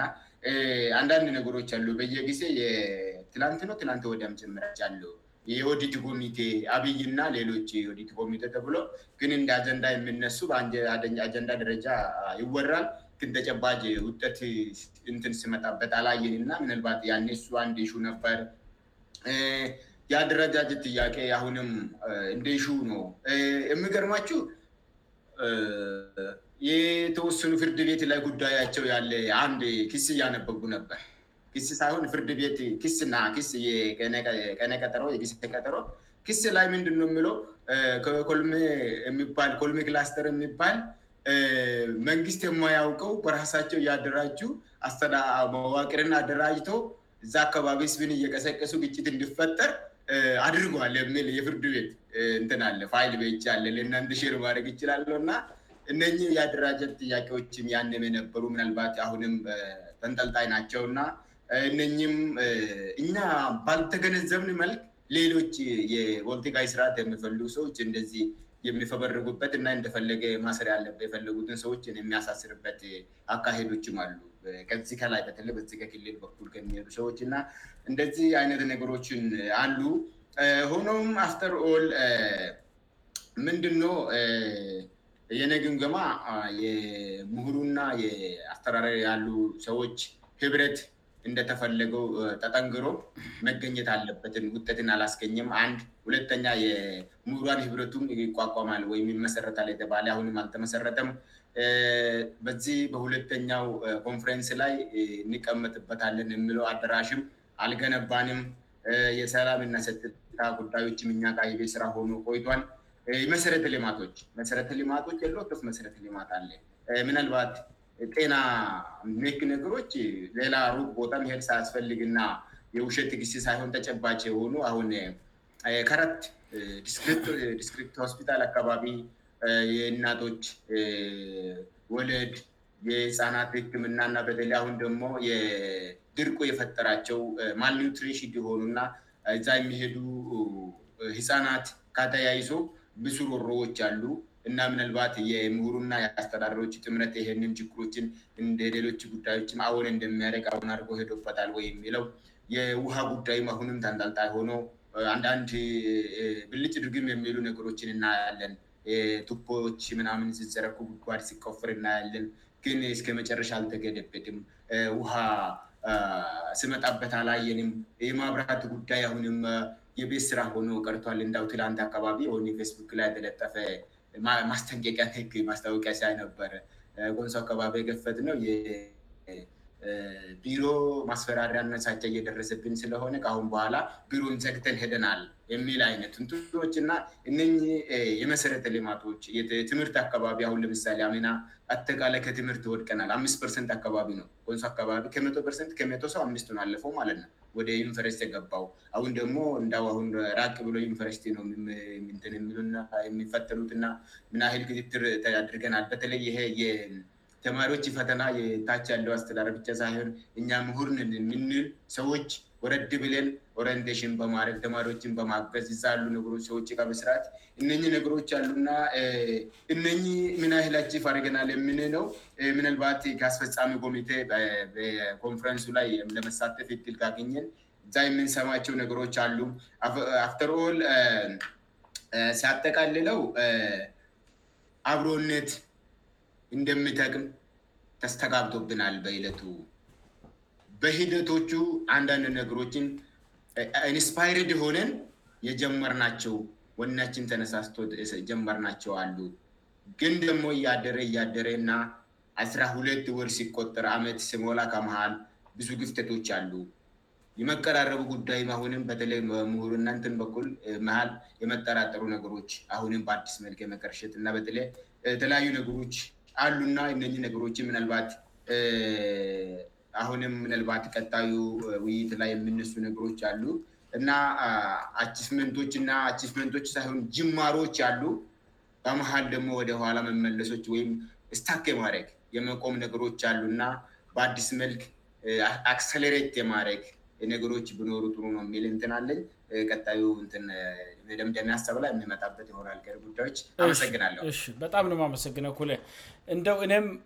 ሀሳቡን በደንብ ሄዳችሁበታል ወንድማችን ከፍት ላ የተነሱ ትልልቅ ሀሳቦችን ቁጭ አድጎልናል አንተም ደግሞ የተወሰኑት ተግባራዊነታቸው ላይ ደሞ ሄደበታልእና እንደውም ዝም ብዬ አንዳንድ ሀሳቦችን ለማጠናከር ያህል ብቻል ይሄድበትና ወደ መጨረሻ ሀሳብ አልፈን ውይይቱን ለሌሎችም ክፍትና ደርጋለንእግ የአመራርና የምሁራን በቅርበት አብሮ በጋራ መስራት አመራር ኮሚቴዎች ኖሯቸው በኮሚቴው አማካኝነት መንግስትን ይከታተላሉ ወይም ከመንግስት አመራር ጋር በቅርበት ይሰራዱ ተብሎ የታሰበው በበቂ አልትሰራበትም እንደው አንድ ሁለት እያሌን መሄዱ ጥሩ ይመስለኛል እሱ በበቂ አልተሰራበትም በእርግጥ መንግስት የዞን አስተራደር ጽፈት በቱየሆነ ጊዜ ጥረት ያደረገ ይመስለኛል አስታውሳለሁ የሆነ የመግባቢያ ሰነድ ነው ምናምን እየተፈራረሙ ነበረ እና ያንን አስተውያለው ነገር ግን ብዙ ርቀት አልተጓዘም አንተም አሁን እንዳነሳ ይው መሀል ላይ እንደ አድስ እርስ በርስ የመጠራጥር ነገር ተፈጥሯል ምናልባት እንግዲህ በመንግስት በኩልም በሚታዩ አንዳንድ ክፍተቶችክፍተቶች ሲኖሩ ምሁራን ይሄና ይሄ ስተካከል ብለው ሀሳብ ሰጡ ምናባትም ሀሳባቸውን ስለማይቀበሉ ይሁን ብቻ አልገባኝም መጠነኛ ክፍተት አለ አመራሩና የምሁራን ተወካዮች በቅርበት አብረው ይሰራሉ ተብሎ የታሰበው በበቂ አልተሰራም የጸጥታ ጉዳዮች እንግዲህ ከሞላ ጎደል መረት ላይ ያለውን የባራዊ ሁኔታ የተወሰነ ለውጥ አለው ሰላም ያለ ይመስላል ነገር ግን ደግሞ በጸጥታ ጉዳይ ምናልባትም የጸጥታ ስራ ስለሚሰሩ ብቻ ሰለባ ሲሆኑ ደግሞ የዞኑ መንግስት መቢ በበቂ ያልተከላከላቸው ሰዎች የሚኖራሉ ብያያስባሉሁ በአሁኑ ጊዜ ደቡብ ክልል ውስጥ የጸጥታ ሀላፊነት ላይ መቀመጥ በጣም ከፍተኛ ርስክ አድርገው ሰዎች የሚያዩት ነው እንደ ኮንሶብ ባለ በየዙሪያው ባሉ ህዝቦች ጥቃት ጦርነት ሲደርስበት እንደነበረ ህዝብ የጥታ አመራር ደግሞ ርስኩ ምን ያል እንደሆነ ማሰብ ይቻላል ህዝቡን ለመከላከል ያደረጉት ጥረት ምናልባትም ወንጀለኛ ስብሏቸውም ሊሆን ይችላል እና እንዲ እንዲህ ያሉ ነገሮች አሉ የጸጥታ ስራዎች ጋራ በተያያዘ አላአግባብ ዋጋ የሚከፍሉ ሰዎች ሊኖሩ ይችላሉ መንግስት እንግዲህ ምናልባትም አቅሞ የፈቀደውን አድርጎም ይቢከአቅሙ በላይም ሆነ ሊሆን ይችላል ው የግጭት ቀጠና ስለነበርን በነገራችን ላይ የሚገርማችው ነገር ዛሬ ይመስለኝ የእንግሊዝ ኤምባሲ የጥንቃቄ መልእክት አውጥቶ ነበረ እና ያው ታቃላችሁ በሰሜኑ የኢትዮጵያ ክፍል ጦርነቱ እንደገና አገር ሽታል ናቃልን እና በአማራ ጦርነቱ ኤራ አካባቢ ያሉ አካባቢዎችን ይዘረዝራል ትግራይን ይዘረዝራል የእንግሊዝ ዜጎች ልንቀሳቀሱ ማይገቡባቸው ወይም ጥንቃቄ ሊያደጉባቸው የሚገቡ ቦታዎችእና ኮንሶ ጭምር ተጠቅሶበታል እየተባለ ነውእና ምን ሊሆን ኮንሶ ዛ ውስጥ እንደጠቀሱ ልገባኝ አልቻለም አንዳንድ ጊዜ የሚያስቁ ነገሮችም ወዳይ ምሮ ስለሚመጡ ነውእና ኒ የጸጥታ ጉዳዮች አብዛኛውን ጊዜ ህዝብ ላይ ያለው ከባድ ጫና አስኪ ጫና ቀንሷል ነገር ግን ሙሉ በሙሉ ስራው ተሰርተል ወይም አልቋል ማለት አይቻልም ግን ጥሩ ስራ ተሰርቷል በእርግጥ የጸታ ጉዳይ የእኛ ዞን መንግስትና ምሁራን ብቻ ተናበው የሚሰሩት ስራ ስላልሆነ ከእኛ ቁጥጥር ውጭ የሆኑ ሁኔታዎችም ስላሉ ማለት ነው ሌላው ይ የኦድት ግኝት የሚባለው ነገር የሚመለከተው የምክር ቤቱ ኮሚቴ ክትትል እንደሚያደርግ መረጃ ይወጣል አብዛኛውን ጊዜ ነገር ግን በቂ መረጃ እስካሁን እኔ እየወጣ አደለም በተለይ የመንግስት ኮሚኒኬሽን ሁልጊዜ የምንወቅሰው የመንግስት ኮሚኒኬሽን የሚባለው መስሪያ ቤት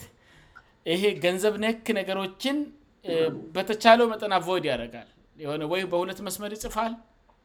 ምንም በ መረጃ አይሰጥም ማለት ነው እና እኔ በእውነቱ እንደው በደና በደፈናው ከሚባሉ ነገሮች በስተቀር በባለፈው ጊዜ አመራር የነበረና የህዝብን ገንዘብ ያባከነ እርምጃ የተወሰደበት ወይም ደሞ ለህግ የተላለፈ ምንም ሪፖርት የተደረገልን የለም አለአግባብ የህዝብ ገንዘብ እንዲባክን በአበል በምን እንድበላ ያደረጉ ሰዎች ወይም የበሉ ሰዎች በስም ተጠቅሰው ምንም ስለእጃ ስለተወሰደ እጃ ጥረት እየተደረገ ነው እየተሰራ ነው ይባላል እንጂ ምንም ግልጽ የሆነ መረጃ የለም እና አይዳውት ዞሮ ዞሮ ይሄ እንግዲህ ምሁራንና መንግስት በጋራ የምሰሩ ስራ አደለም የዛነ ችግር ተብሎ ስለተነሳ ብቻ ነው ሌላው ምናልባት የኮልሜና የቱሮ ማዋቅሮች ጉዳይ እንዳለንው ያለው እሱ እንግዲህ ምናልባት የደቡብ ክልል መፍረስ ጋር ተያይዞ ይመለሳል ተብሎ የታሰበ ጉዳይ ይመስለኛል ምናልባት እንግዲህ አሁን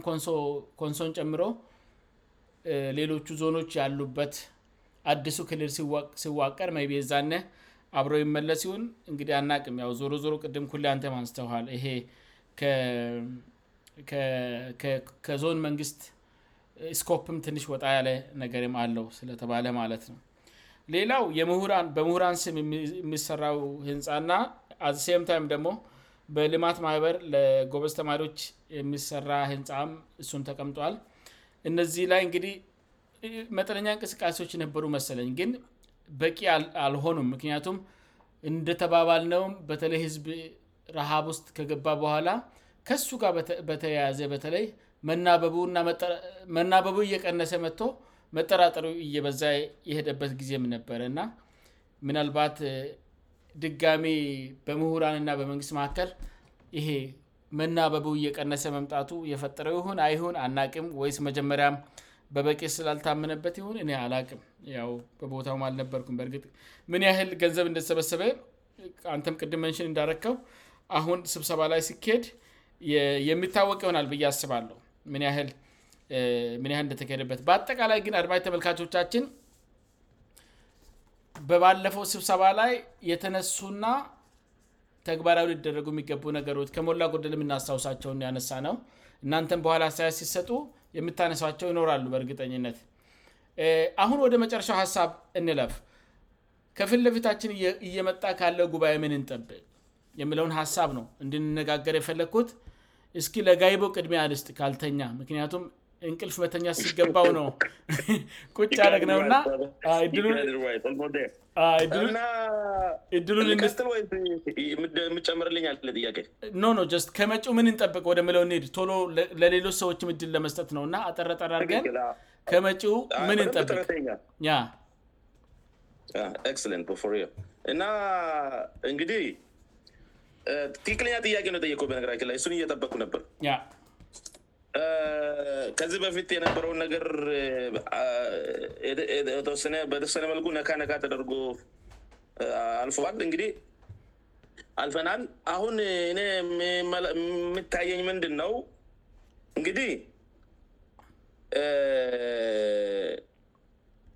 le ban i baن faliق b ك tl mثaل b sn فali baن ب ealle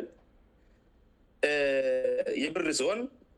የደም ሲሆን ደግሞ ደም ባንክ የሚባልለን እንዲሁም ላይብራሪ ራሱ መውሰድ እንችላለን መጽሐፍ በየአይነት ይገባል እዛ ገብተን የምንፈልገውን እውቀት ለመግበየት የሚጠቅመንን መርጠን እናነባለን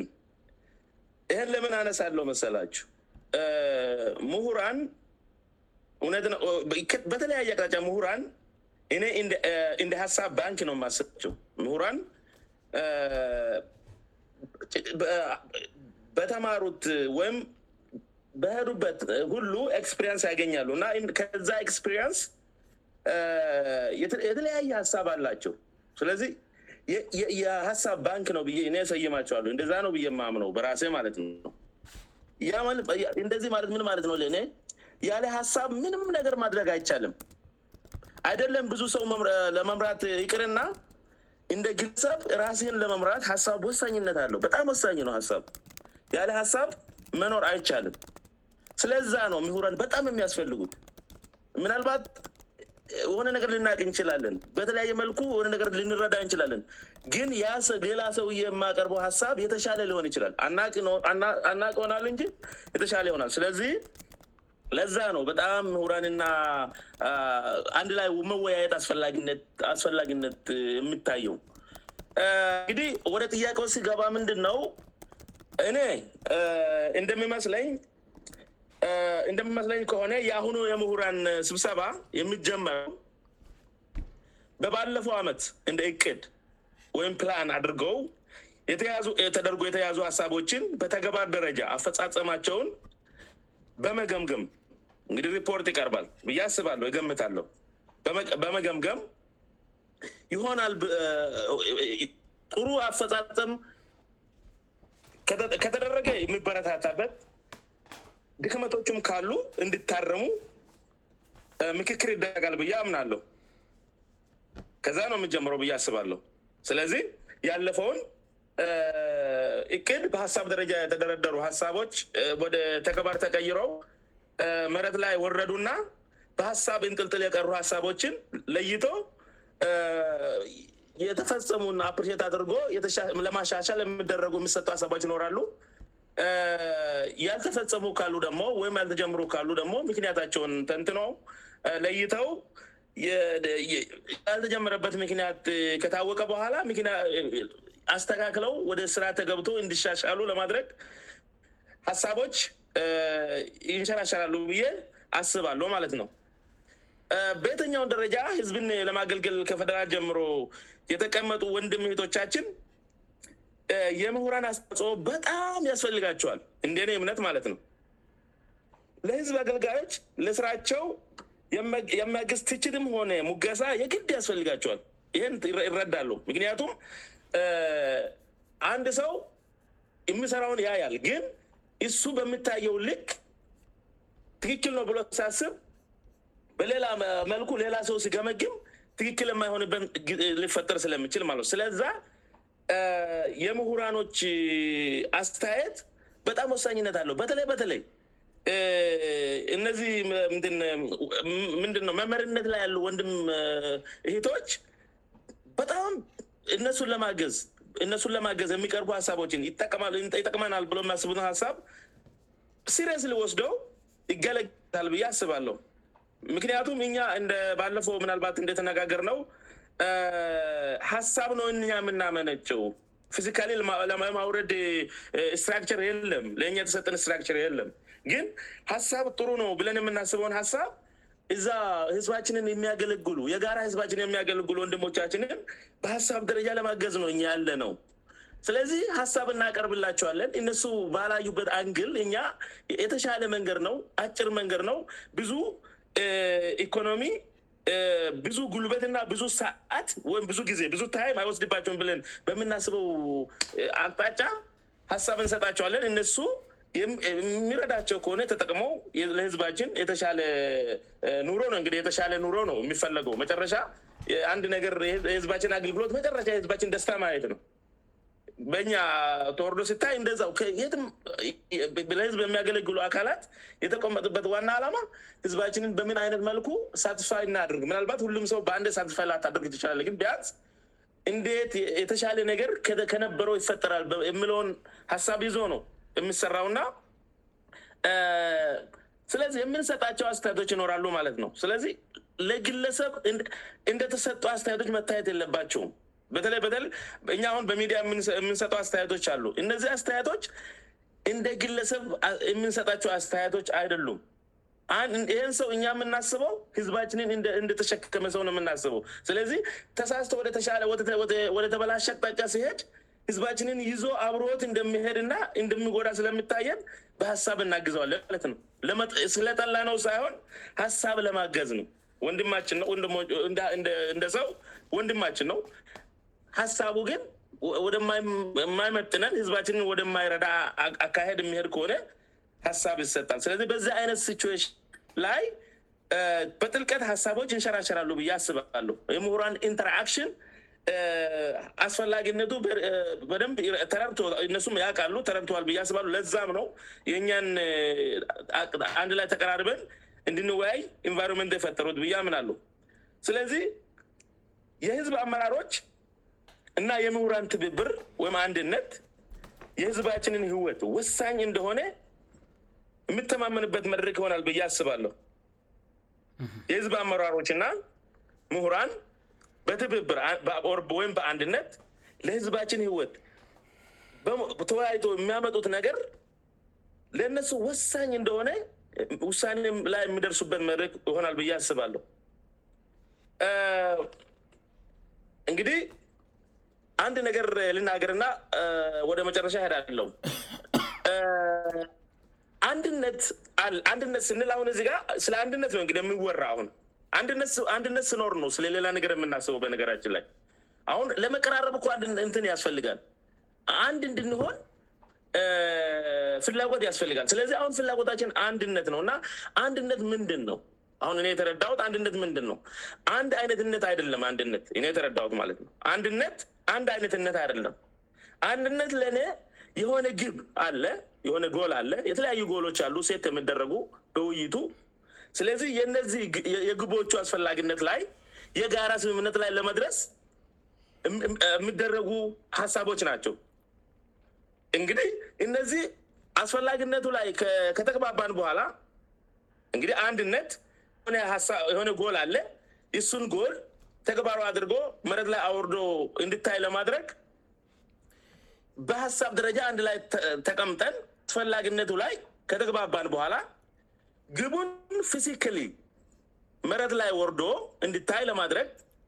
ወደ ሀሳብ መዋጮ የምንሄዱበት ነው የሚመስለኝ ደ ለ ቦች አሉ ግቦች ይዘናገርሉ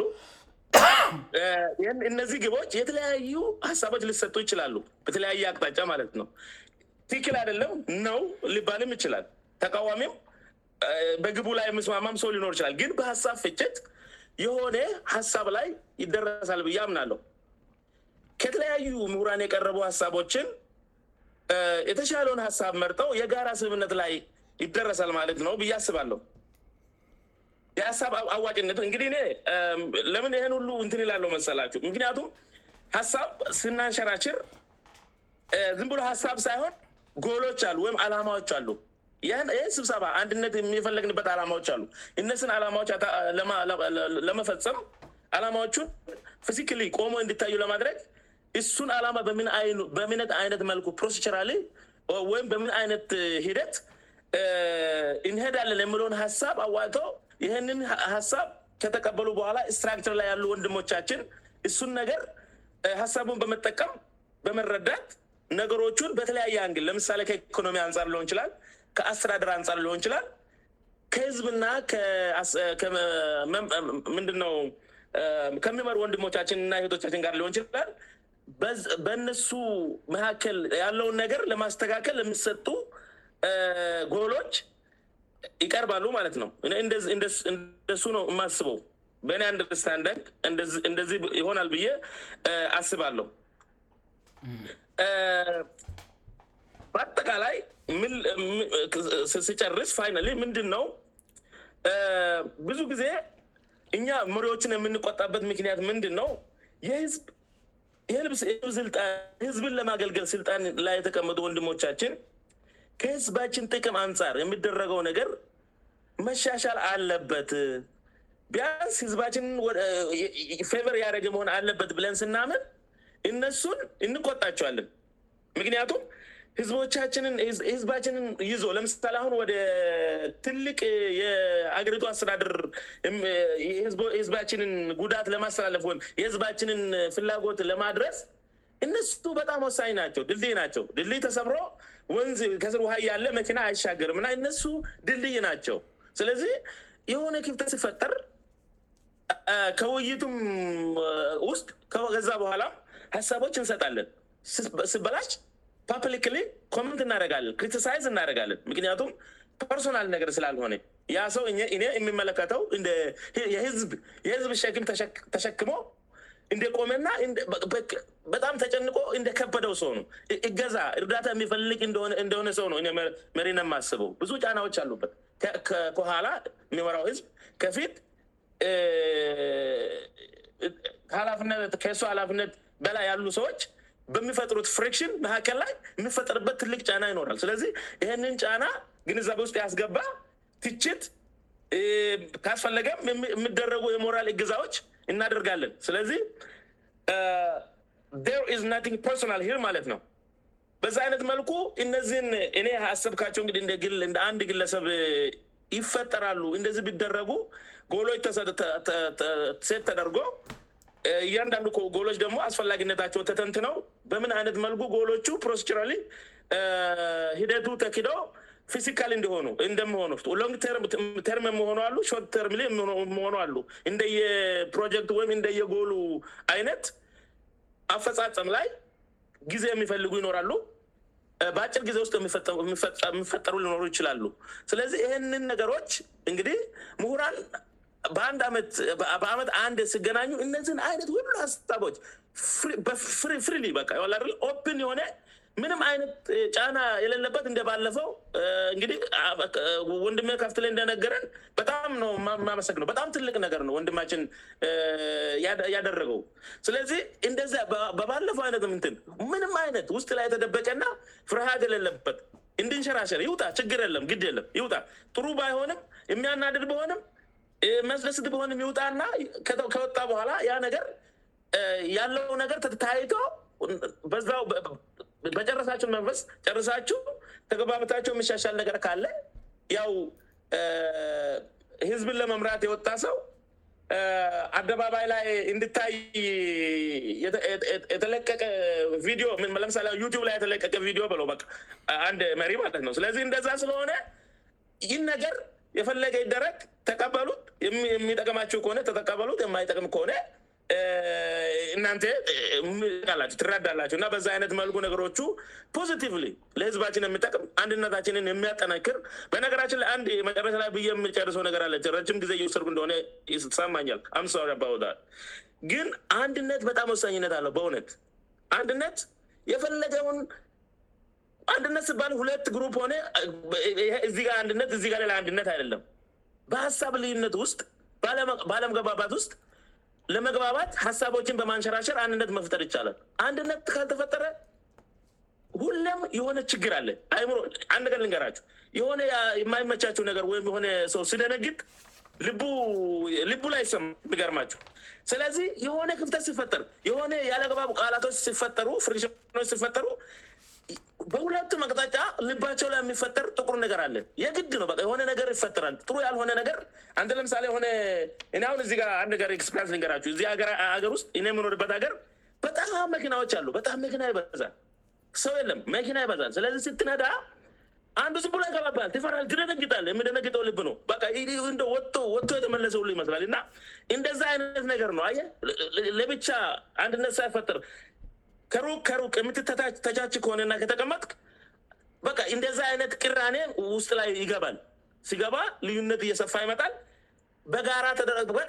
በቀላሉ ተደርጎ ክፍተታችንን አንድ ላይ በመወያየት የምንፈታውን ባለመቀራረብ ብቻ የነገሮቹ እየሰፉ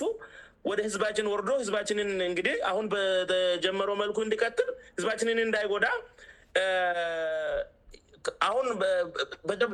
ጨረፍታ የሰማት ነገር አለ እዛ ውስጥ ለውስጥ የሚፈጠሩ አንዳንድ ግሩፖች አሉ የሚባል ነገር አለ ይህ ነገር በውይት ፈታችው ችግር ካለ ምሁራን ማለት ሀብት ነው ወንድሜ እንዳለው ምሁራን ባሉበት ተወታችሁ ችግር ካለ እነዚህ ሰዎች ለብቻ ምም አያስፈልም አያፈልምአንድ ህዝብ ነው አለው የግል ጥቅም እኳ ተ ለብቻ ተፈንጥረ ህዝቡ በህዝብ ስም ነው እያለህዝብ ራሴ የምትጠቀመ ነገር የለምና ተስማምታችሁ ስልጣንም ካስፈለገ በጋራ ከቅሚ አንፃር ከሙያ ን ለህዝብ ከምታሰ አስተዋ ንፃር ተታያይቶ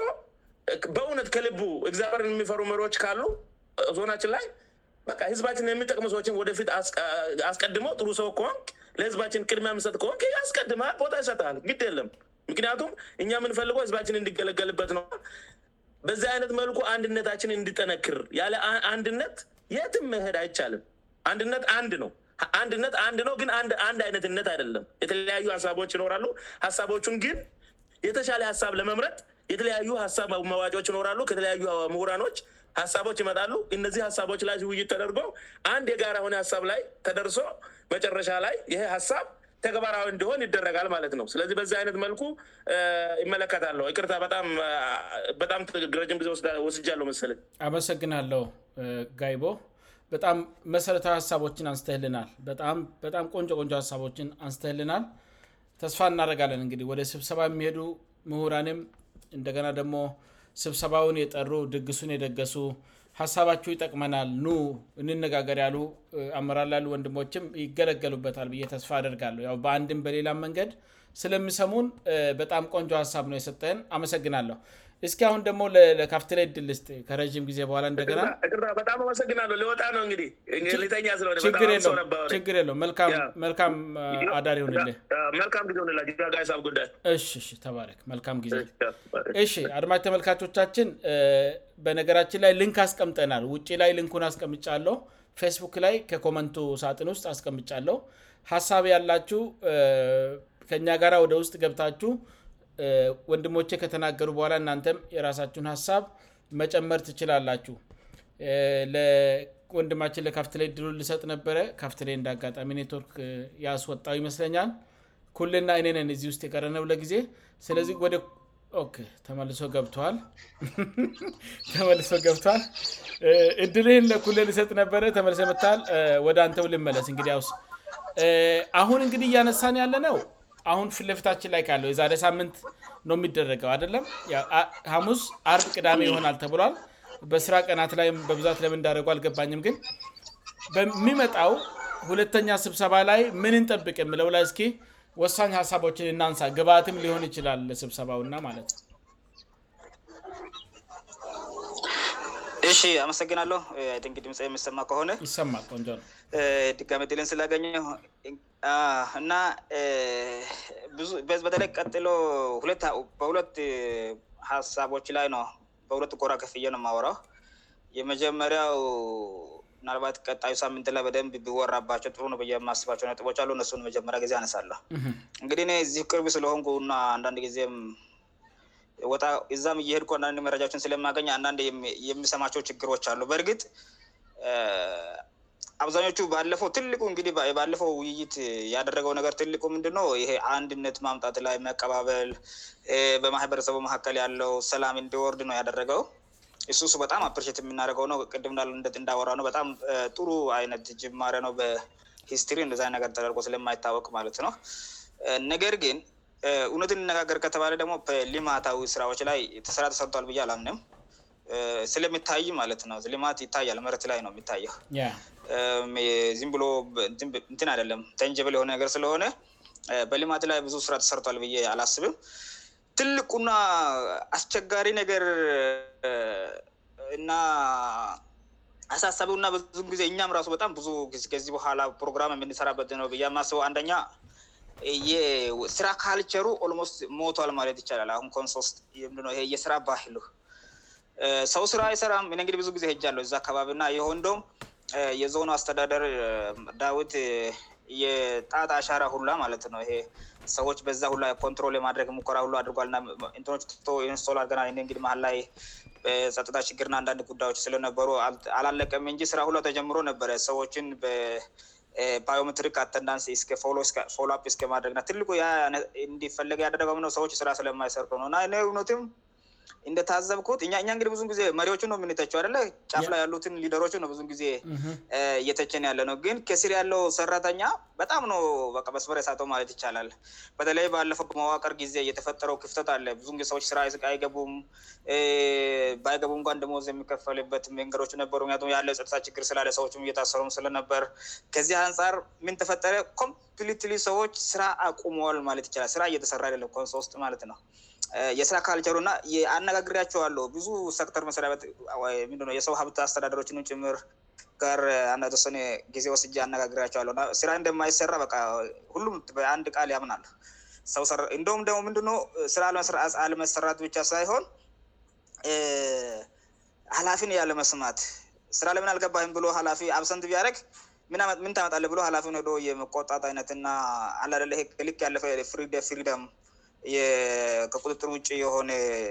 ነፃነትን ኤክሰርሳይዝ የማድረግ ነገር አለ እና እሱ ሱ በጣም ክሪቲካል ፕሮብም ነው እያስባለው አንዱ ናባት ይሄ በጣም ቢወራበት ሰረተኛ እኔ ንደዛ አልጠበቁም እግዲቱ ዞኑ መዋቅር ስመጣ ሰዎች በጣም የባከነውን ጊዜ በልማት ያካክሳሉ በጣም በአግሲ ወደ ስራ ይገባሉ በየነበረ ስፐርት ያደረኩት ይሄግን በጣም እየሆን ያደለምእና ብዙ ሰዎች በዛ ጉዳይ ላይ ቅረት አላቸው ተለይ ፖዚቲ አስተስብ ያላቸው ሰዎች ችግር እንዳለ ያስባሉሁ አንዱ የስራ ጉዳይ በደንብ እንዲወራ ልባት ወሳኝ ነው ያስምቱ ይሄ ነገር ካልሆነ ህዝባችን በምንድንች የሚንክሰው አርሶደሩ በጣም ዝአመራሮ መንግስት ራተኛለተዋ አርሶደር በምንድ የሚካው ምክያቱም እኛ ካልሰራንለት ሊማቱ እንዳለ ነው የሚኛ ማለት ነው አንዱኛው ይነውሁለተኛ ደግሞ ትልቁ በሽታ ጎንሶውስጥ ሊማት የማደረግበት አንዱ ምክንት የበጀት አጠቃቀማችን በጣም በ ችግር ያለበት ነገር ነው ጎንሶ በጀት ለዘረፋ ነው ል በት ማጣ ሲባል ሰውሁሉ የሚያስበው በምን አይነት መልክ አበል ልውሰድ ምን የትጀ ምን ርገ ምን አድርገ ብሩን ልውሰድ ብቻ ነው የሚያስበው ማለትነውይ በጣም ግልጽና ሁም ሰው የሚያውቀው ጉዳይ ነው ንሶስት ብር መንግስት የሚበጀው ሚሊዮን የሚሆኑበ ለጌለሰዎች ስ ነው የሚሆነው ልማት እየሰሩበት አይደለም የሚገርማቸው የሰማሁት ምደሆ ታቃላቸው እዛው እንግዲህ ከረት ዙሪያ ወረዳና ዞን እዛ ደላ አንድ ከረት ላይ ነው ከከረት ዙሪያወረዳ ወደ ዞን መጠቻለውብሎ እዛው ከረት ረት ከዙሪያ ወረዳ መጠቻለ ብሎ አበል ሲሩልኝ የሚላለ አባል የማይጻፍለት ከሆነ ደግሞ ያሚፃል የታገልጉት ለዚህ ነው ብሎ ማለት ነው የታገልጉት ለዚህ ነው ወይ ብሎ የሰው ሀብት አመራሮችንና አስተዳደሮችን ጭምር እስከ መናገር ና የለመታዘዝ ነገር ብዙም ጊዜ ይታያልና አስባቸውታል ለምሳሌ የመበደበ በጀት ለአበል ሲያልቅ ሰው ምግንያት እየፈለገ ሞተር ውስጥ ነዳጅ እየሞላ ዝም ብሎ ይሄድና ሄጃ ለው ስራኤልና ተመልሶ ደግሞ እው ከተማጥ ሲሽከረከር ታዋለ መጨረሻላ በል ስራልኝላል ኛው ደግሞ የመከላከል አምለቃግድ ይሰራለል በእንደዚ አይነት ሁኔታ ኮንሶ መቼ ቢሆን አትለወጥም መቼቢንምክቱም በጀት ማለት የህዝብ ብ ነው ግለሰቦች አይደለም የህዝብ ብር ነው ከህዝብ ኪስ ነው የወጣው ተመልሶ ለህዝቡ መሰረተ ልማቶችን ቤዚክ የሆኑ አስፈላጊ የሆኑ ነገሮችን ብታይ ማለት ነው የኮንሶ መንግስት መስሪች ብትሄድ የሰው ልጅ የሚኖርበት መስሪች አይመስሉም አራማ ድንካያማ ቢሮ እራሱሄበንል ንደቆን የራሳቸውን ነገር አያስተካክሉም ሌላነገርቀርተውራሳቸውንበር መቀመጫ ምራሱበስርት አያስተካምደ ዘረፍ አስለገባማትነው ልማት አይሰራም ጤናጣ ብትሄድ ሆስፒታል ብትሄድ ምናምን ብትሄድ ቢሮ ቢሮ አይመስሉም ሁለተኛ ደግሞ ስራ በትክክል አይሰሩም ከአራ ሰዓት በኋላ ሰው ቢሮ አታገኝም የሚገቡት ሶስት ሰት ሁማሽኑን ለመትከላይ ዛ ሄ አርቤ ሄጅ አለው እነሱ ለማገኘት ከሁለት ሰዓት እስከ አራት ሰዓት ቁጭ ማለት ነበረበኝ ማለት ነው ሰዎቹ መቶ ቢሮ ከፍቶ ስራ ለመጀመር ስራ አይገቡም እንደዚህንደዛ ነገሮች አሉእና ዞሮ ዞሮ ግን ወይራስ በጀትን መቀራመት ነገር በጣም ይታያል ሱ አንዱ በጣም መነጋገር የሚያስፈልገው ጉዳይ ነው ሁለተኛ ደግሞ ይ በመሪዎች መካከል ቅድም ጋይቦ ትንች ተቀስ ልቆታልይ እርስ በርስ ያለመቀባበል አለ በነሱ መካከል ማለት ነው በተለይ ሰው ስልጣን ካልተሰጠው ያቆርፋል በጣም ትልቁ በሽታ ይሄነ ልጣን ካልተሰው እየታገልቁት ለዚ ነው ብሎ በበተለይ ይሄ ታግይ ያለው የሚለው ኮንሰርት በምንአይነት ለ ከሰዊ ሮየታገል ነው ለመም አልነበረም ሰዎች የታገሉትም ስልጣንለመያዝ አልነበረም ነፃነት ፍትህ ጀስቲስ እንዲፈጠር እንጂ የተወኑ ስክል ሰዎች እንዲሙ የተወ ሰ ደግሞእንዳይሾሙ ለማድረግም አይደለም ስለዚህ ማንም ሰው የሚገባው ሰው መሾም አለበት በእርግጥ ም ችግር ለአም አለ ብ የሚያስብ ሰው ክሌ ማድ ምንም ክፋት ያለው ን አርፎ ቡድን ፈጥሮ አለዳላ ይሄ የግለሰብ ኢንትረስትን ዛ እያደረገ ኩርፊያ ና ዛርስ የመናቆር አይነት ነገር በጣም ችግሮች እዳለው በውስጥ በኩ ይሰማለን እናእዚነገሮች ዩ ሲብስባዎች ላይ የሚነሳእና በጣም ብቀረፍእና በተለይ ደሞ ብኮንን ጥሩ ነው ብአስባሉ እዚ ይነት እሾችን ስለሚሰማ ማለት ነው በሁለተኛ መንገድ የጀመሪ ሀሳብ ሁለተኛው ሀሳብ ላይ ሁለተኛው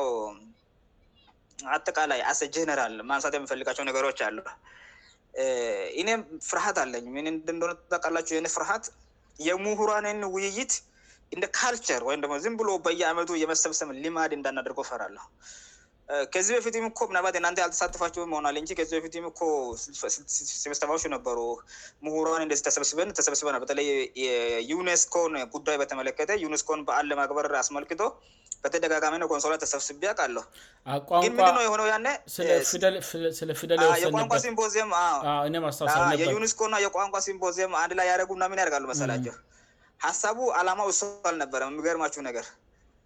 እነዚ እነዚ ተለጣፊዎች ናቸ እዚ ቋንቋን በሉት ዩኔስኮ በሎት ተለጣፊ ነ ዋና አላማ የኢህድግን ፖሊሲ እንዲና ደንክ ነው የተፈለገው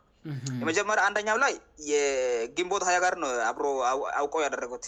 ከዛን እ ምሁሯን ግዜ ውይላይ እ የሚመሩ ሰዎች ወይ ደግሞ ሀሳብየናሚያቀርቡ ምሁሯን እኛ የግንቦት ሀያ ፍሬዎችነን ብሎ ነ መፈክር የሚናገሩት ሁለተኛ ደግሞ ምርጫ ጋር አስታከ ነ ያቀረቡ ሲብሰባውማግበጣም ሳ ይፈለው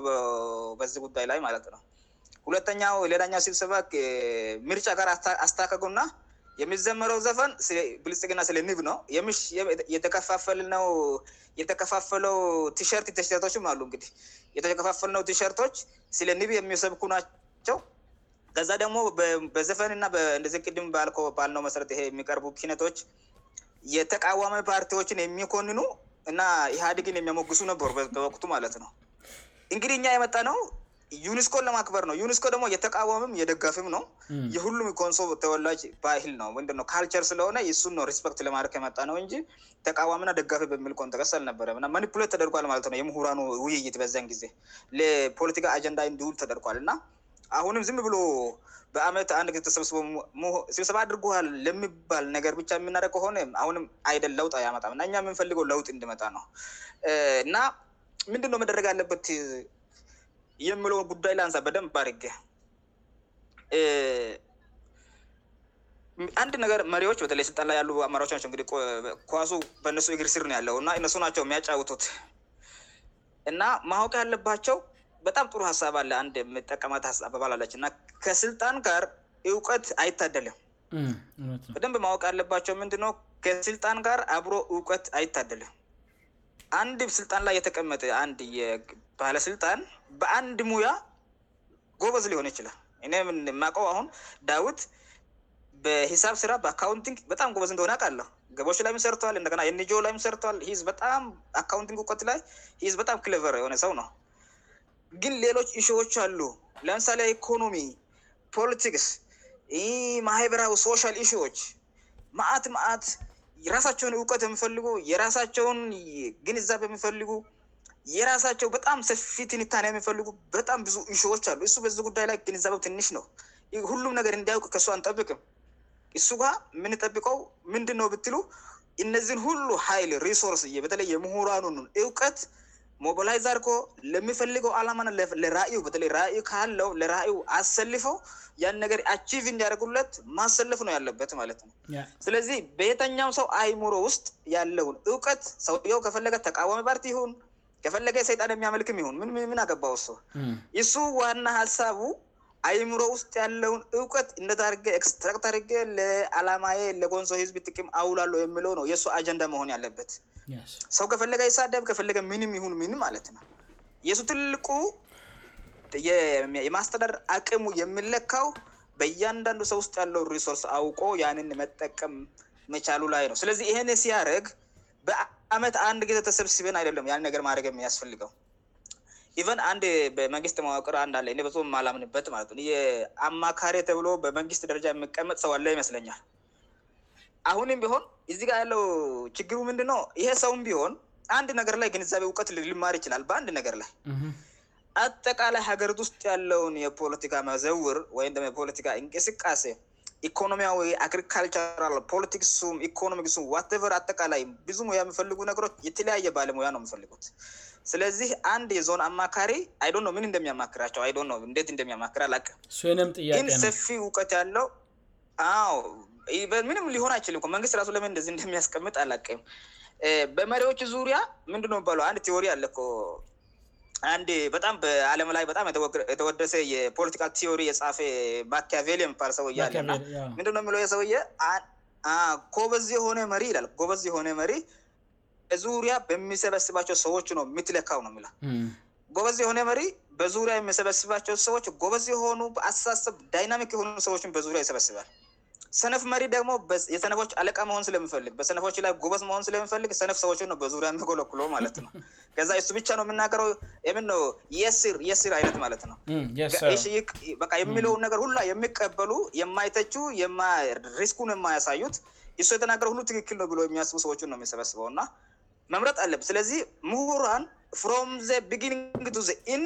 በእያንዳንዱ በሚሰሩ ስራዎች ላይ ኮንትሪት ቢያደርጉ ሱ ነውየምፈልገው በየአመ አንድ ጊዜ ተሰብስበን እሱ ወሳኝ ነው ህብረት ለመፍጠር ጥሩ ነውመጨረሻ መትላይ የምናደገው ስብስብ ህብረት ለመፍጠር ጥሩ ነው አብሮ ሀሳብ ለመቀያየር አይዲያ ን ራይ ቪሽን ሽር ለመደራረግ ብረት ኢምፖርታንት ነገር ግን ምሁሯንን በአ ት አንድ ጊዜ ብቻ ጠርትን ከዛ በኋላ አመቱ ሙሉ ዘግተ ናቸው ምን ለውት እናመጣለን ብላችሁ ተስባች በጣም ከባድ ነው ሆነው ስለዚህ የዞን አመራሮች ከዚህ በኋላ በተለይ ስልጣን ላይ ያሉ ሰዎች በደንብ ማሰብ ያለባቸው በየተኛው ለምሳሌ አሁን እንበልና የአይቲ ንድሚስትር ሊንገራቸውን ምንያል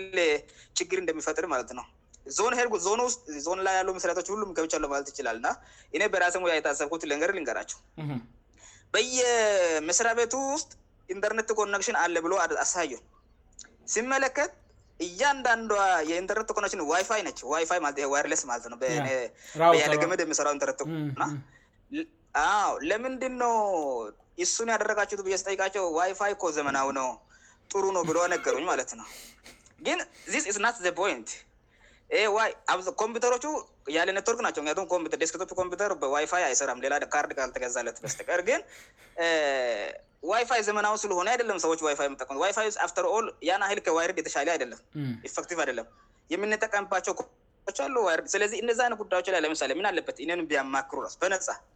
ሳብ አደለ ቀ በጣም ጥሩ ነገር ተናግሯል ሁራን ብዙጊዜነየሚፈልጉት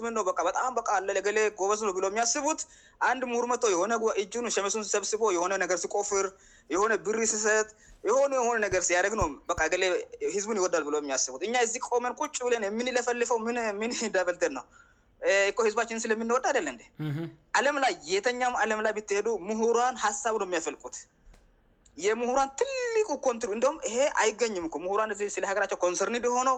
ብዙጊዜሁዚህዘመንራ የሚናቸውሀቸውአያስቡነውባለውለላይ ሚሰሩ ጥናቶች ግን እንደም እንደኛ ኮንሰርኒድሆኖ ስለአካባቢቸው ግድ የሚላቸው ሰዎች እንደ በስንቲ እድል ነው የሚገኘው ማለት ነው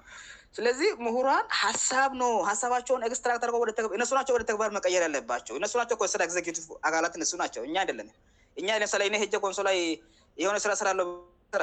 አያም ፓልሀብት አይደለሁም እኔ በኢትዮጵያ ኮንትክስ ደሞታቃላቸው ምሁር ማለት ዲሃ ነው በደሞ ዘምተዳደር አካልላ ኢትዮጵያ ውስጥ ዲሀ እንደሆነ ይታወካል ስለዚህ ሀሳባቸውን ወስዶ ወደ ተግባር መቀየር ነገር ከነሱ በጣም የሚጠበቅ ይሄ በያመት አንድ ጊዜ ብ ሳይሆን ከመስከረም ጀምሮ ከነሀስ ድረስ ባለው ጊች በእያንዳንዱ ልማት ስራዎች በእያንዳንዱ እንቅስቃሴ ውስጥ ማንን ይመለከታል ብሎ ሰዎቹን ኮንሳልት አድርገው ሀሳብ አስተያት ተ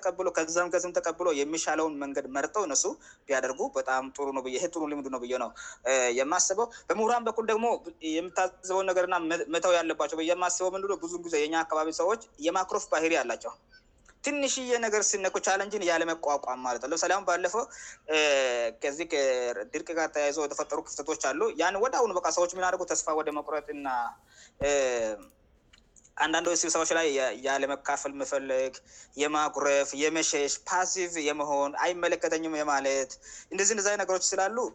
ይሄን ነገር እንግዲህ ቻለንጅ እኛ በህዝብ ጉዳይ ላይ ማንንም አስፈቅደን አይደለም የምንሰራው የራሳችን ሪስፖንሲሊቲ ብሎ ነው የምናስበውእና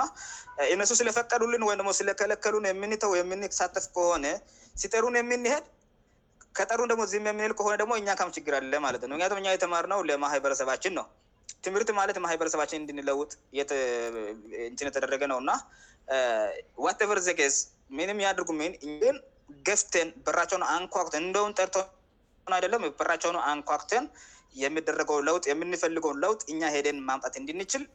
መስራት አለብን ማክረፍ አያዋጣም ማክረፍ መፍትሄ አይሆን ወይም ደግሞ መሸሽ ቅድም ተናገሮ ቦይጎት ማድረግ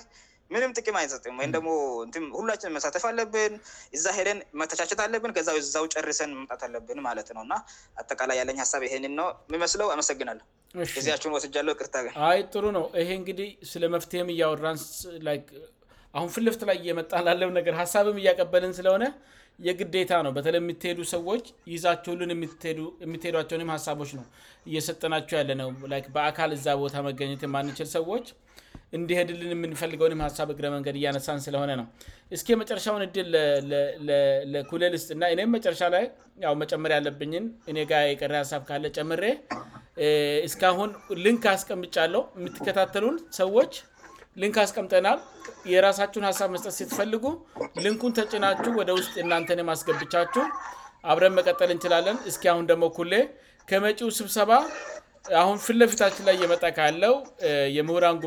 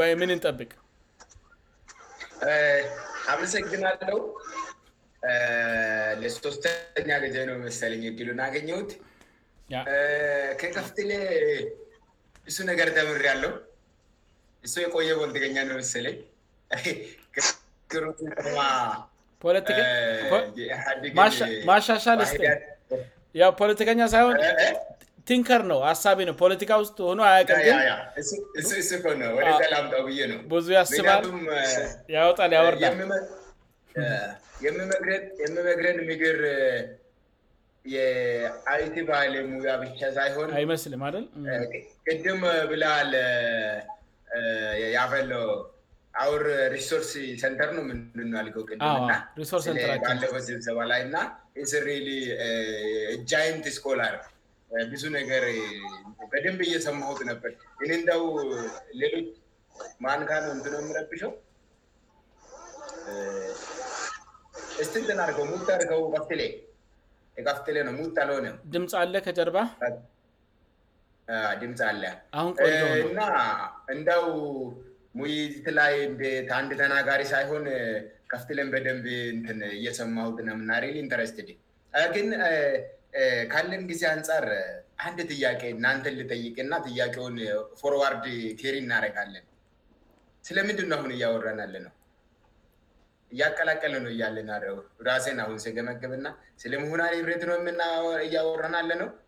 ወይ ስለመንግስት ሀላፍነት ነው እያወረናል ነው ወይም ደግሞ ሁለቱ አንድ ላይ ሲዋሄዱ ኔትወርካቸው ላይ ኢንተርንት ኦፈር ራ የሚያሪጉት ነው የምናወራው ፍር ል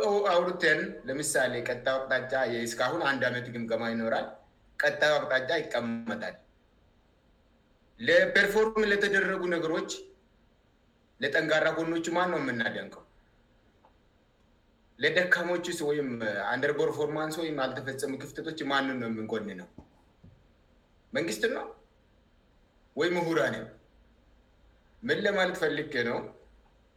ውይይጡ የምሁራንና የተወላጆች ከሆነ ስኮፕ መታወቅ አለበት ስለዚህ ምንድ በሁምንም ለማለት ፈልክነው ባጭሩ የምሁራን ህብረት ከሆነ ህብረት መሆን አለበት ከሆነ ደግሞ ሙሁራን ህብረት ወይም ማህበር በራሱ መንግስት ያደለም አጋሽ ነው በመንግስታዊ ጉዳይ ሀላፍነቱ የመንግስት ነው ሙሁራን ደግሞ በተደራጁበትና በወሰዱት ስኮፕፍ ሬስፖንሲብሊቲ ስር ደግሞ እንደ ቲንክ ታንክ ወይም የጋይቦን ቅድም ብሏል ጓድ ቀፍት ለሚያለ ነው እኛ ኦሎዌይስ ሀሳብን ለመስጠት ሲተይቁን ወይም ኦፈር ለማሬት ዝግጁነን በሞያችን ማለት ነው ወይ በጤና ይበአይቲ ወይም ደግሞ ይ በ በጉ በ ወይም አስተዳደር ግ ነገሮች አንዳንድ ነገሮች እንሰጣለን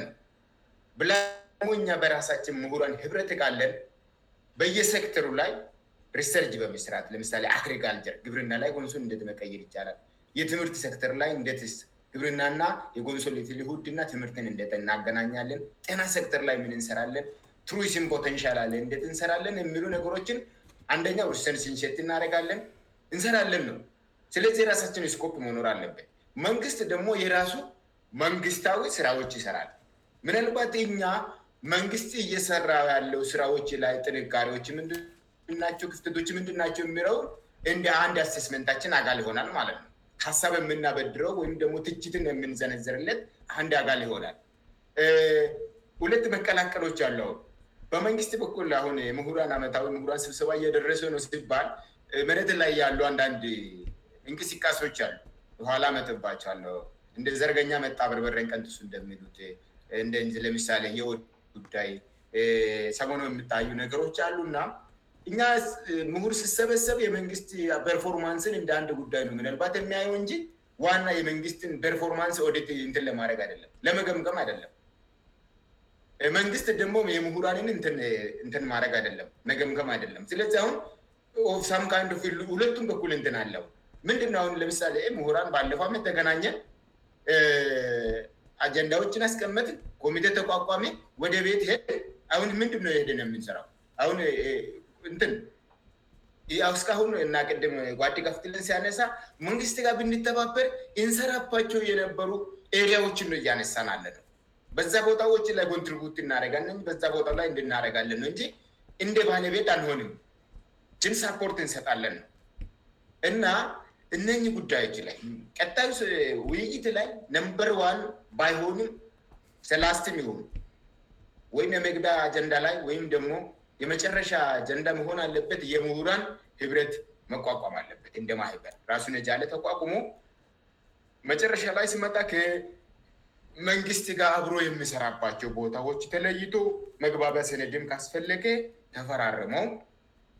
የምሁራን ህብረቱ ሲቋቋሙ ደግሞ አደረጃጅቶ ድፋ አይነ ተደርጎ በስፔሻላይሽን በጤና ምን መስራት ይፈልጋል ኦብጀክቲ ጤና በትምህርት በአካባቢ ጥበቃ በግብርና በአስተዳደር ነገሮች በሰጥትና ደንትን ጉዳዮች በውሃ በምኝ መሰረት ልማቶች ላይ በስላይዜሽን የህስፋችንን ኒድ መሰረት ተደርጎነ መደረጋለበት ማለትነው በዛም ጊዜ እኛ ይሰን ይሄነው የቤት ስራችን እናውቃለን ሴት ያደርግነው ኦብጀክቲቭ አለ ስኮፓችን አለ የሰራነውን ስራ በዛ ክት ታንጅ ብለሆነ ነገር መገምገም እንችላለን ማለትነው በዛ ከመንግስት በኩል ያለው ስራዎች ና በምሁሩ ያለው ስራዎች ደግሞ ኦቨርላፕ የሚያደርጉበት መንግስት የምሁራን ብትአመታዊ ህብረት ስኖር ለመንግስት ግብአት አቀባይና ሀሳብ ንትናመዳሪም ስለሆነ እንደ ሼርሆልደር ነው ይሆናል ማለትነው ርሆልደር ነ አመጃችም ይሆናል ምክንያቱም ምሁሩ ሜዳ ተንጠልጥሎ የሆነ ቦታ ይህን አደጋሉ ማለት ቻል አደራሽን ማዘጋጀት አስተራራዊ ነገሮች የሰጣ ሁሉም ነገሮች መንግስት አመጃችም ነው በንድ በበአንድ በኩ ርሆልደር ነው ተጠቃሚ ነው እንደዚህ ነው መሆንለበት እን ይሄ በሌለበት አሁን ለምሳሌ ሄደት ሰጥታ ላይ በደምድ አልተሰራም መሰረተ ልማት ላይ አልተሰራም ብለን ብንል ትን ስጥ ጥታ ምናልባት አስፓርቶጎንሰርን ነው የጎንሰርናችን ወይም ያገበናል ብለን የምናስባቸው አንነገሮች ናቸው ግን ለዚህ አንድ ሁለት ሶስት አራት ብለን መንግስትን ተጠያቂ ማድረገማድችል ነው ምክንያቱም የኛ ስኮፕስ ስኬቱ ነው የሚለው አልታወቅም ስለዚ ነበር ዋን ቀታዩ ስብሰባ ላይ መደረግ አለበት የምሁር ህብረት መሰረተ ልማት የተማላ ይሆን ራሱ ተቋቁሞ አድረጃጀቱ በአቸር ጊዜ ውስጥ ዲፋነ ተደርጎ ገዛ ደግሞ በዛ ኦብጀክቲቭ ተቀምተ በጃበሳ ስፔላይሽን ሀላፍነት ተሰቶ ጉ ጉድን የሚሰጥ ለጓዴ ካፍድን ጓለወንድም ያ የሚሰጥ ሀሳቦች ይኖራሉ በዛ በየጊዜ ኮሚቴው እያስተባበሩ እንሰራለን ማለት ነው ሳ ማስት ይሄ ገደለበት መንግስት ራሱ ምሁሩን ሲመጣ አሁን የእሱን ግፍተቶች መቶ እንደሚገመግም አይነት ነገር ዛት ስኖ ፕሮፐር ስኮ አይደለም ስለዚህ እነ ነገሮች እንትን ማደረግ አለብን የተጠያቅነትን የሚስካማና ልማን ሊገ የሚሉ ነገሮች እነ መሰረታዊ ነገሮች ናቸው ልሆካልሆኔ ለዛ ማሁን መንግስትና ውጭ ከምሁራን የምዘረዘሩ ትችቶችም ሆነ የሚሰጡ ድካፎች እንትናቸው አይታወቁም ስኮባቸው ስለ አይታወቅም ስለዚህ እነ ነገሮች መስመር መስመር መያዝ አለባቸው የሚል እንትን አለኝ ሌላ የዚህ የምሁራን ህብረት ከተያይዞ በደም ተቋቁሞ መስራት አለበት ወዲ ሰዎችን እንትን ብጫ አለልም ሰዎች ስለፈለጉ ብቻ ስለእኛ የገሌገሌ ይሁር ብቻ ሳይሆን በፍላጎት የመስራት ይወና ያላቸው መስራት የምፈልጉ ሰዎች በፍላጎት እንትን ፍለጎት ብላስ እኛ ከውጭ ኦብዘርቫር ከን ይሰራሉብለን የምናስቡ ነገሮች ዋናነተፈሮ ምሁራን ኦብጀክቲፍ እትኑ ማህበር አቋቋማ አለበት ንይላለ ሌላ ብዙ ነገሮች ተነስቷል እነ የሰላም የሰጥታ የበበር የሌሎች ሌሎች ሎቶፍ ነገሮች ተነስቷል ግን እኛ ሁን እደ ኦብዘርቨር እና እሽዎች ንደእሹን ልነሱ ይችላል አሁንም እንደሽን ልነሱ ይችላሉ ግን ጠገናንጭን ስላወራ መንግስት እንደ አንድ ር ሸርሆልደር ወይም አሁን ለምሳሌ ፎርሙ እንደ ፓፕሊክ ሂሪንግ ነነየምሰማው ሰብሰብ ብለን የምንሰማና የምንታጫችበት የምንሞጋቀዝበትና ስራይ የሚሄድ ደግሞራየሚሄበት ድረግ ነው ምናየው ስለዚ መንግስት እዛ ላይ ሊሰማ ይችላል ዝርዝር ለምሳሌ ዋዴ ከፍትላይ ያነሳቸው ነገሮች ላይ አንድ ሁት አሳብ ለማንሳት አስቤ ያለው እና ትል ኮንሶ አካባቢ አሁን ተለለያዩ የሚፈጠሩ ችግሮች እና መንግስትና ምሁራንን ወደ ማላተም የሚመጡ ነገሮች የመንግስት አሰራር በተለይ አስተዳደረዊ ንግስት ሰክተር መስሪያ ቤቶች ላይ መሰራት ኮንሶ አካባቢ በጣም ጎላቅ ሲሆናል ሆልሞስ እየደም ማለት ይቻላል ሰው ምንልባት አተንዳንትስም ራሱ ከመጡበት ሰው ደግሞ ስንቀበልበት አካሄድ አለውና እንዳው የሚገርሚ በቅርቡ ያጋጠመኝ ከትታ ሳይሆን በሰው በኩለሁእና ናነትምብሎጠለላበደብየሚሩቀስስፈልግበደብ የሚሰሩአሉ ግን ቁጭ ብሎ ዋና ጉዳይ ራሱ የመጨረሻ ሰዓት ላይ ደርሶ ሳ ሎ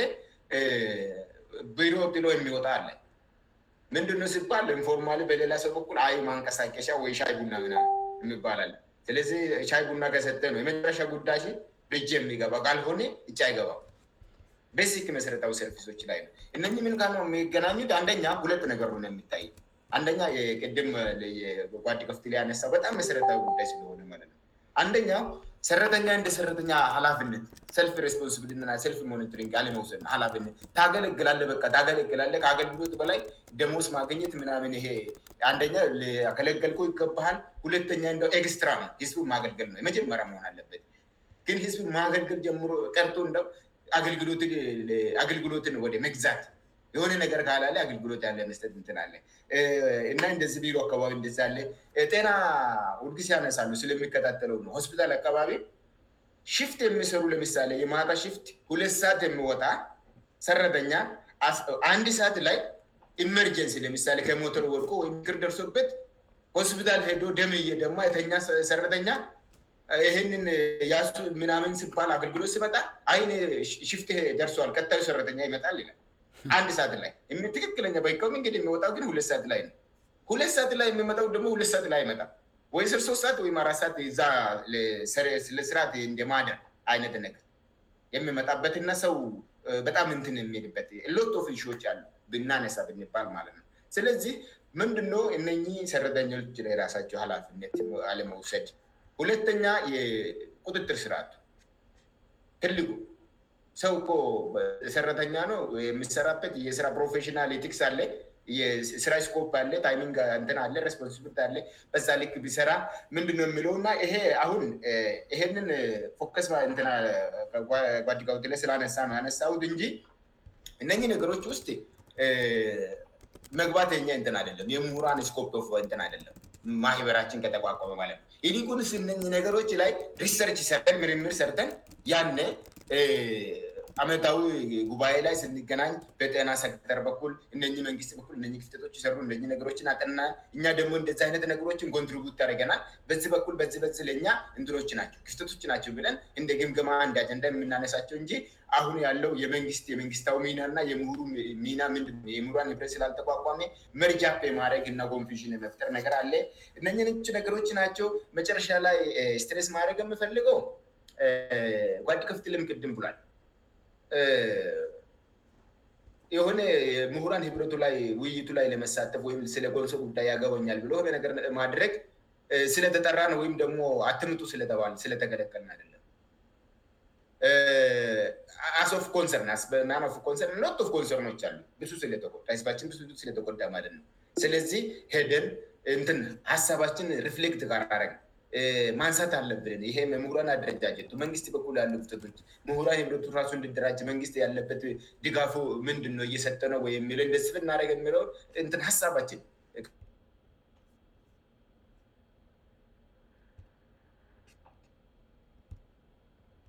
ምንድነው ከአመት በፊት ወደነበረበት እነው መጠራተርና ወደ ኋላ እየተመለስ ነው ሳት ስኖ ሰይርዋር ሶሊሽን አይደለም ስለዚ ምንድ አንደኛው በጣም ብሱ እንትን አለን እውቀት አለን ማለት ይቻላል በተለያየ ጓድጋውት ከፍትላ አሁ እስከዛ ሄዶ እንደዚ አይ ነገሮችን የማየት የመቀምቀምና የተሻሌ አማራጭችን የማምጣት የማቅረብ አይቤት ሀሳቦች ያላቸሁ ሌሎች ብዙ ጓደኞችእና ወንድድሞች ያለን እና አሁም ሆን አሁም ቢሆን መድረጉ ላይ አሁንም ተሰከነ ስመት ተቀራርበን አንደኛው ሌላውን የሚጋርድበት ወይም ደሞ አብዛኛ ሁ እደ ሀሳብ እየተነሳ አለው በመንግስት እንትናሉ በ አካባቢ ያሉ ግፍተቶችን ለመሸፋፈን ስብሰባውን እንደዚህ ምሁራን አወያይቻሉ የሚለውን ሪፖርት ማድረግ አይነት ነገሮች ሊኖሩ ይችላል ግህ ስኖን ሊጻት መገናኘት ራሱአንድ ነገር ነብዬንሊት ልና ተቀናንተን ብቻል ብቻል ሩቃለንም ምክንያቱም እንትን አለሁ የሆነ ደብዳቤ አይታቸው እደሆነ አላም ን በሀያ ጻት ደብዳቤስብሰባውን የሚጠራ ማለት ነው እናይህም ደብዳቤ ስብሰባው ስ ሁወይም አንድ ሳምንት በፊት ና መንግስቱ ኮሚኒኬሽን ገጽ ላይ ተለጠፈው ምንም የተጻፈ ደብዳቤ ለም እንዲያመናል ነው የያ ሽ ስናጋቸውቆ ናደርግላቸዋ አይቻለውእና ይህም የሴሬሞኒ ሆ ስርአት ብቻ ለማድግ አይነት ትሬንዲም አንድ በኩል የሚያሳዩ ነው አፍተር ል ደብዳበ መጣም አልመጣም ቀኑ ተቆርጦ ያለ ውይይት ይኖራል የሚለው ካ ወንድማች ም ሄዳለ ከተቻለየልዩ ሁነ ካል አጋጥመኝ ሄደን ተከናንችን ያሉ ነገሮች ኮንሰርኖችንእና በተለይ ማህብሩን ማቋቋም ላይ ብንሰራ የተሻለ ሆናል የሚልትናለ ብ ወራዊ መሰለኝ በጣም ቅርት አመሰግናለእ እኔም በጣምንም አመሰግነው ኩ እኔም አጠር ያ ላይ ሀሳብ ንጨምርእና ወደ መዝጋቱን እሄድ እንግዲህ ከሚከታተሉን ወንድሞች ሀሳብ መስጠት የሚፈልግ የለም ው ልንኩን አስቀምጫሉ ውጭ ላይ የሚፈልግ አሁንም መግባት ይችላል መረሻ ላይ ይቤላ 1 ለ2ሰው ድል መስጠት እንችላለን እኔ አሁን አጽኖት ሰጥቼ መናገር የሚፈልገው ኩል አን ሁን ደጋግመ ያነሳዊ ሀሳብ ላይ ነው ሚና መለየት አለበት እኔ እንግዲህ እስካሁን ባለኝ መረዳት አምና የተጀመረው በመንግስት የተጀመረው የምክክር ጉባኤውን አዘጋጅቶ ምሁራንን የመጥራቱ ጉዳይ በዋናነት መንግስት ግባአስ ስለሚፈልግ ነው ብዬ ነው የምቆጥረው ምሁራንን እየሰበሰብኩ እያወያየሁ እያቀራረብኩ ነው በምል ብቻ ሳይሆን ግብአስ ስለሚፈልግ ነው ብዬ ነው ማምነው ነገር ግን ለወደፊት እንዴት መቀጠል እንዳለበት ሚና ከተለየ በኋላ ሊወሰን ይችላል ብዬ አስባለሁ የምሁራን ማህበር ወይም የምሁራን ድርጅት ብቋቋም መንግስትና ምሁራን በጋራ የሚሰራቸው ነገሮች ህጋዊ መስመድና ህጋዊ ግንኙነት እየኖረው ስለሚሄድ ማንም በቀላሉም የሚረብሸው አይነት ግንኙነት አይሆንም ማለት ነው በመንግስትና በምሁራን መካከል ያለው ስለዚህ ምናልባት የምሁራን ማህበሩ በእርግጥ ይሄ የመንግስት ኃላፍነት አደለም የምሁራን ማበሩ አቋቋም የምሁራኑ የራሳቸው ሀላፍነት ስለሆነ መንግስት ማድረግ የሚችለው ምንድ ነው ድጋፍ መስጠት ነው የሚችለው ይልቁኑ መንግስት እንዴት ነው ይንን ነገር አፍጥኖት ነው ማለት የሚችለው የድጋፍ ደብዳቤ መጽፍ ካለበት የድጋፍ ደብዳቤ ነው የሚጽፈው ማለት ነው እ እንዲያሁም መረጃ አለኝ እንግዲህ የአዲስ አበባ ልጆች ኃላፊነት ወስደው በየከተማ ያሉትን ልጆች እያስተባበሩ ፍርማ እየተሰበሰበ ቶሎ ተቋሙ እንድመዘገብ ውይይት እያደረጉ እንደሆነ መረጃ ነበረኝ እያሰቡ እንደሆነ ማዞሮ ዞሮ አዲስ አበባ አካቢ ያሉት ናቸው አደለም እርዳታም ሲሆን ሌላም ነገር ሲሆን የሚያስተባብሩን ስለዚህ ቅድሚያ ወስደው በሁሉም አካባቢ ያሉትን ልጆች አስተባብረው ማህበሩ ስለሚቋቋምበት ሁኔታ ቅድሚያ ኃላፍነት ወስደው እየተንቀሳቀሱ እንደሆነ አምና አለው እኔ በበኩ ማለት ነው ወረዲ አንዳንድ መረጃዎችም ስላሉኝ እና ይሄ ደግሞ ጥሩ ነው ምክንያቱም የምሁራን ማህበር በመንግስት ሊቋቋመ የሚችል ነገር ስላልሆነ አን ከተቋቋመ በኋላና ህጋዊ ተቋም ሲሆን መንግስትና በምሁራን ማካከል ያለው ግንኙነት ህጋዊ ስለሚሆን ምናልባት የምክክር ጉባኤውን ጭምር ማዘጋጀቱ ለወደፊት የጋራ ጉዳይ ይሆናል ማለት ነው በጋራ ተወያይተው እንዴት እናስኪድ ብለው የሚያደረጉት ይሆናል የመንግስት ጫንቃላይ ብቻ የሚወርቅ አይሆንም አተ ሴም ታይም ደግሞ ለመንግስት ማኒፕሌሽንም እድል አይሰጥም መንግስት ምሁራን ለምሳሌ አልተመችኝም ካለ በቀላሉ እንዳይሰበሰቡ ማድረግ ይችላል ወይም ደግሞ ካኮረፈ ስብሰባ ላይ ጥራ ይችላል ማለት ነው ነገር ግን ምሁራን የራሳቸውን ማህበር ከመሠረቱ ወይምየራሳቸውን ድርጅት ከመሠረቱ ዞሮ ዞሮ ሁልጊዜ እንደምንናገረው ህዝብና መንግስት የጋራ እስከሆኑ ድረስ የምሁራን ማህበሩ መንግስትን ማገዝ የሚፈልግባቸውን አቅጣጫዎች ግልጽ ያደርጋል ህዝብን ማገዝ የሚፈልግባቸውን አቅጣጫዎች ግልጽ ያደርጋል ማለት ነው ኦስ ስለዚህ ይሄ እንግዲህ አሁን ፍለፊታችን ላይ በሚመጣው ጉባኤ ላይ ሊደረጉ ከሚችሉ ነገሮች አንዱ ምንድን ነው ለምስረታ የሚሆኑ ዶኩመንቶችን ማዘጋጀት ትልቅ አጋጣሚ ነው ብዬ ነው የማስበው ይሄኛው ማለት ነው ምንም ፋታ ሳይሰጥ የሚፈለጉ ዶኩመንቶች ተዘጋጅተው የሚመለከተው ኮሚቴ እዛይመረጥ ወይስ አዲስ አበባ ያሉት ወይስ እንደገና እንደ አዲስ ኮሚቴ ተቋቁሞ ይህንን ተቋም ሬጅስተር ያስደርጉ ወይም ያስመዝግቡ ፍት መስሪያቤትጋርወ ድርጅቶች የሚዘ ማህበራት የሚመዘገቡበት ጋር ማስመዝገብ ግዴታ አይመስለኛል አሁን ቅድም ኩሌን በተደጋጋሚ እንዳነሳው የሚና መደበላ አለቃለ መንግስት ይህንን ጉባኤ በጠራ ጊዜ ሁሉ ምን ያተርፋል ከዚህ ጉባኤ የምድር ህዝብን ለመጥቀም ነው ወይስ የራሱ ትርፍ አለ ከዚህ የሚጠቀመው ምሁራንስ ምን ያተርፋሉ ወደ ጉባኤው በመሄዳቸው ጊዜያቸውንና ምናልባትም ገንዘባቸውን አውጥተው ወደዛ አካባቢ ሲሄዱ ኃላፍነት ተሰምቷቸው ወደዚ አካባቢ ሲሄዱ ማህበር በለለበት እንደ ምሁር ምን ፋይዳ እየፈየድ ነው ብለው ነው የሚያምኑት የሚለውን ለወደፊት የተጨበጠ ነገር እንድኖር ካስፈለገ ሚናው መለየት አለበት የምክክር ጉባኤው አሁን ላይ መንግስት ከምሁራን ሀሳብ ለመስማት የሚጠራው ነው ብዬ የምቆጥረው የምሁራን ማህይበር ግን በአስቸኳይ መቋቋም አለበት የምሁራን ማህበሩ ቢቋቋም ቢያንስ ሶስት ጠቀመታዎች ይኖሩታል ብዬ አስባለ አንደኛ መንግስትን ለመርዳት ህጋዊ በሆነ መስመር የግል ወይም ደሞ የመንግስት ብቻ ሳይሆን ስ የጋራ ግቦችን ማስቀመጥ ይችላሉ እንደ ተቋም ማለት ነውእና ቅድም አንዳንዶቻችሁ መንሽን እንዳደረጋችሁት የመግባቢያ ስምምነትንም መፈራረም ይችላሉ በዚህ ሰነድ መሰረትም ልገማገሙ ይችላሉ አዘንዶብ ዘደይ ስለዚህ በመንግስትና በምሁራን መካከል ያለውን አብረ የመስራት ነገር ትክክለኛ ህጋዊ ድልድል ያለው ያደርገዋልራ ምሁራን ማህበሩን ቢመሰረቱት ማለት ነው ይሄ መጀመሪያው ጠቀሜታ ነው ሁለተኛው የራሳቸው አንድነትንም ለማጠናከር አሁን ለምሳሌ የምሁራን አንድነት በፖለቲካ አቋም ልዩነት ምክንያት አይፈርስም ማለት ነው ድርጅት ብኖረን ኢዜማ ውስጥ ያሉም ብልጽግና ውስጥ ያሉ ሌላም ፓርቲ ውስጥም ያሉ የኮንሶል ልጆች አንድ የጋራ የሚያደረጋቸው ነገር ተገኘ ማለት ነው እሱ ምንድ ነው ምሁር በመሆናቸው በኮንሶል ህዝብ ሪሶርስ የተማሩ በመሆናቸው ኮንሶል ለመጥቀም አንድ ጃንጥ ላላቸው የጋራ ማለት ነው እሱም የምሁራን ማህበር ወይም የምሁራን ድርጅት የሚባለው ማለት ነው ሶስተኛውና የመጨረሻ ለህዝባችን ለኮንሶ ብራሱ መስራት የምንችላቸውን ነገሮች በግልጽ ማስቀመጥ እንችላለን እንደ ድርጅት እንደ ተቋም ስለምንንቀሳቀስ ማለት ነው ስለዚህ የምሁራን ማበር ወምምሁራን ህጋዊ ሰውነት ያለው አንድነት ብመሰርቱ ከመንግሥት ጋር ያላቸው ግንኙነታቸውን ግልጽ መስመር ያለውና ጥንቃቄዎችን እንኳን ለማድረግ የበለጠ የተሻለ ይሆናል የምል እምነት አለን ከዛ ህጋዊ ሰውነት ኖሯቸው ማህበር ከሆኑ በኋላ የዛነ የምክክር ጉባኤውን ከመንግስት ጋራ እንደ ጋራ ስራ ተቆጥሮ ሊያዘጋጁ ይችላሉ ማለት ነው ነገር ግን አሁን እስከሚገባኝ ድረስ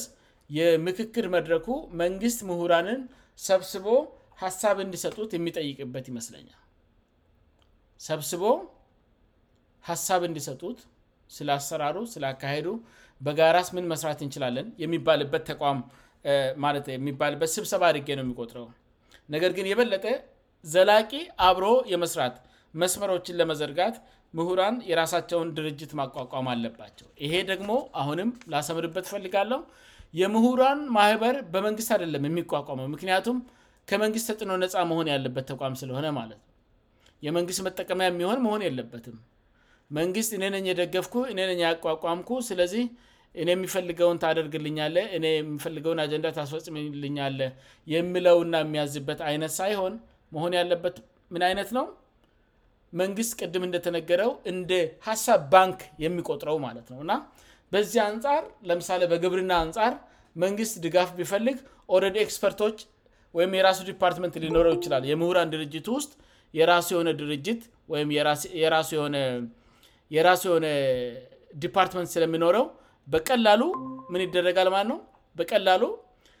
ቀጥታ ከሚፈለገው ኤክስፐርት ጋር የሙያ ማህበሩ መንግስትን ያገናኛል የሚመለከተው የኤክስፐርቶች ዲፓርትመንት መንግስትን ማገዝ በሚፈልገው አንጻር ያግዛል ማለት ነው በግልጽና በቀላል መንገድ ስለዚህ ይሄ አንዱና ዋናው ስብሰባ ላይ ልትነጋገሩበት የሚገባ ጉዳይ ይመስልናል መንግስት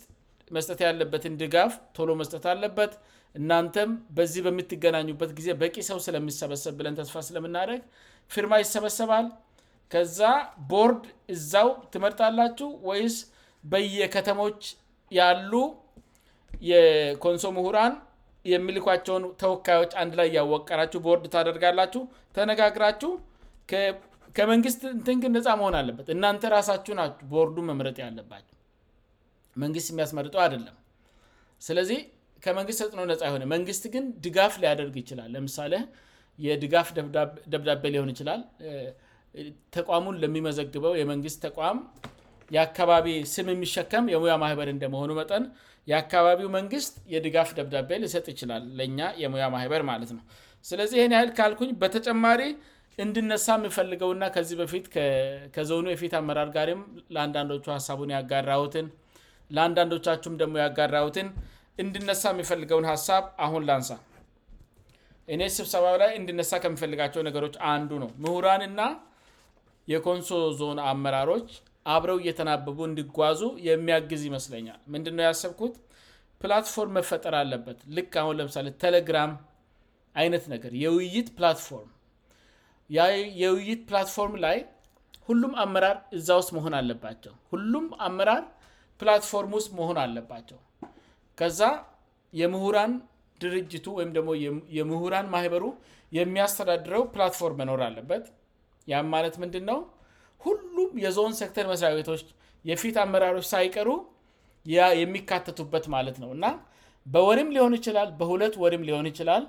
ርዕሰ ጉዳዮች እየተነሱ ውይይቶች ሲደረጉ የሚመለከተው የሴክተር መስሪያ ቤቱ ኃላፊዎች ምን ያደርጋሉ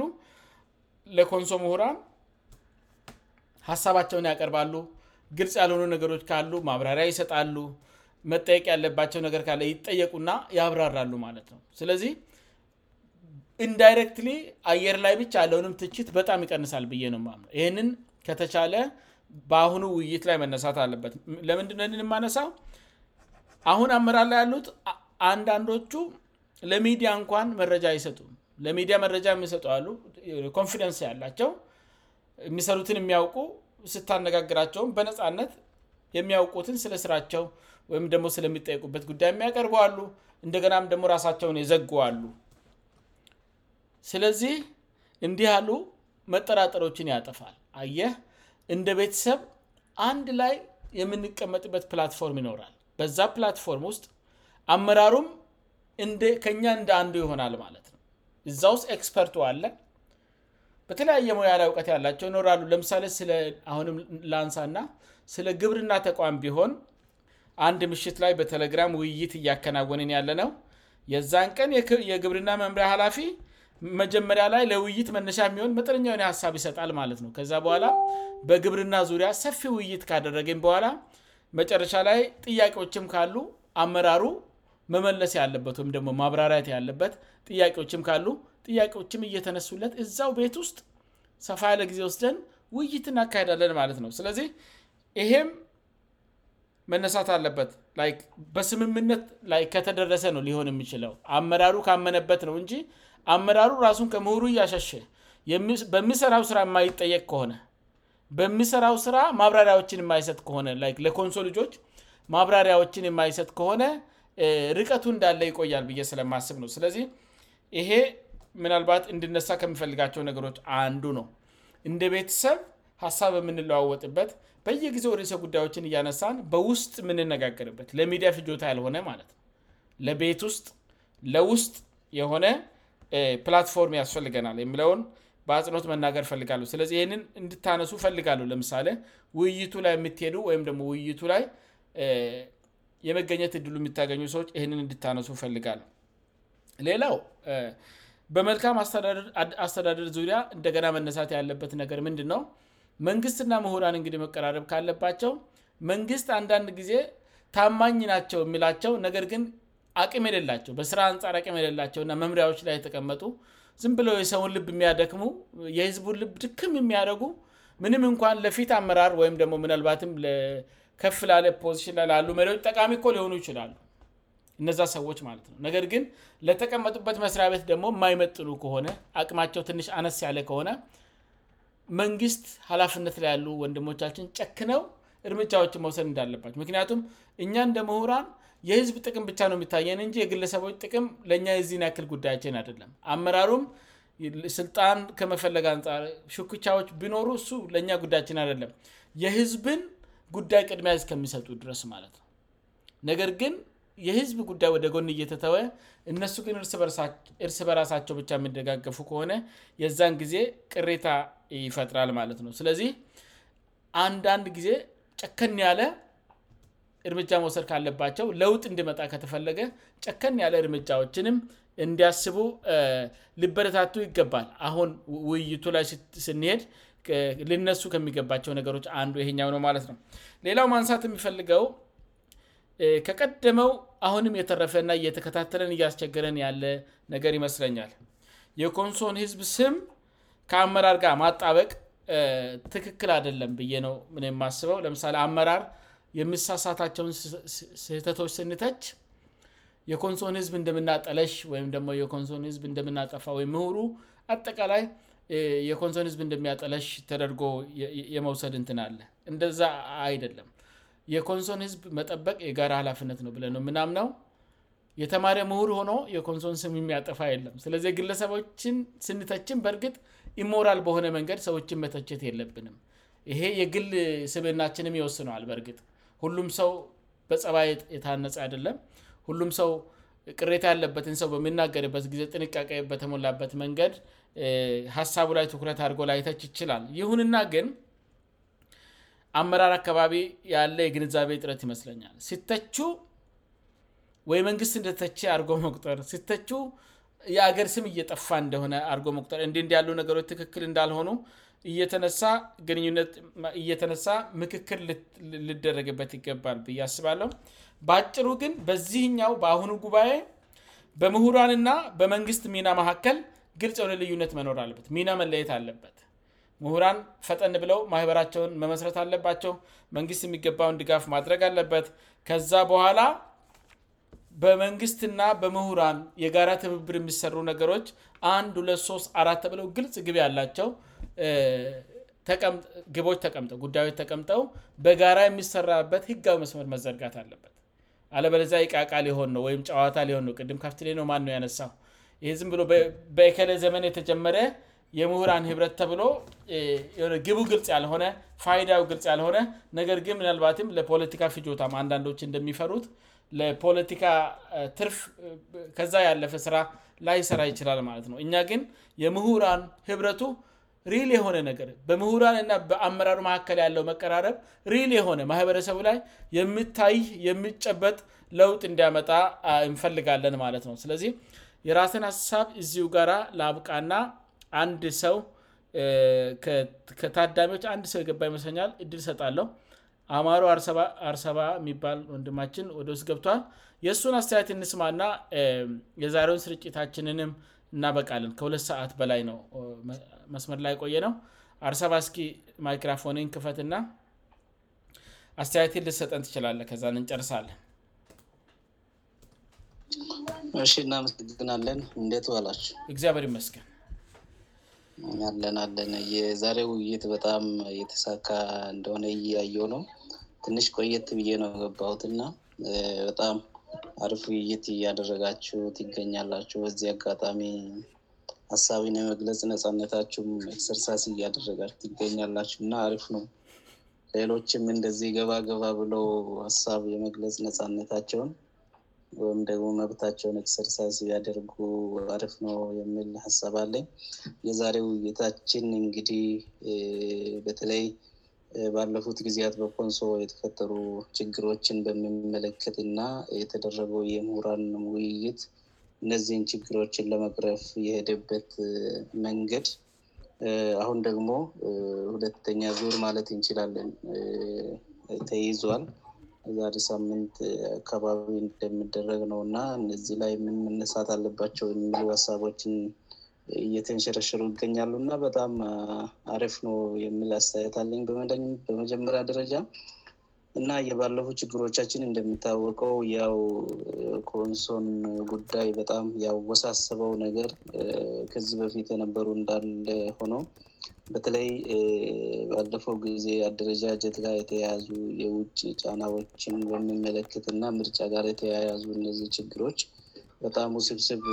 ነገር ተፈጥረው ነበር ከዛ በኋላ የምሁረን ውይይቱ በጣም ታሪጋዊ ነበር እነዚህ ችግሮችን ሰልፍ ለማድረግ በጣም ግሩም ነበር ቢያንስ ሙሉ በሙሉ መቅረፍ ባይችልም ትንሽ አርግቧል ብለን እናስባለን ከዛ ባሻገር ባለፈው የተቀመጡ ትኖች ነበሩ አቅጣቻዎች ነበሩ የምሁራን ውይይቱ ላይ የተቀመጡ አቅጣጫዎች በምን መልኩ ስራ ላይ ውለዋል የምል ግምገማ ይኖራል ብለን እናስባለን በቀጣይ የምሁራን ውይይት ላይ እና በተለይ ችግሮች ተፈጥረዋል ሁልጊዜ ችግሮችን ማውራት አደለም እንግዲህ ለችግሮች ልባት መስጠት ወይም ደግሞ መፍትሄ ማበጀት እስከሆነ ድረስ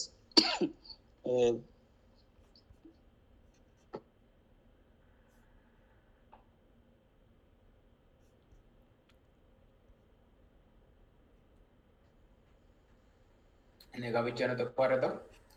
ተቋርጧል ድምፁ አይሰማም ግን አለአግን ም ተቋረ ራሱን ዘግቷል እያሳለ ስለሆነ ነው መስ እስኪ የምሰማን ከሆነ ማሳሉን ቶሎ ጨርስና ማክራፎዘ ከፍት ን በእያሳለለሆነውሃ ልት ሆይች ውሃ አስፈል ነውስኝ እና ያው ችግሮችን ብቻ ማውራት ሳሆን መብት አቅጣጫዎችን ማስቀመጥ በጣም ጥሩ ነውእና ለፎ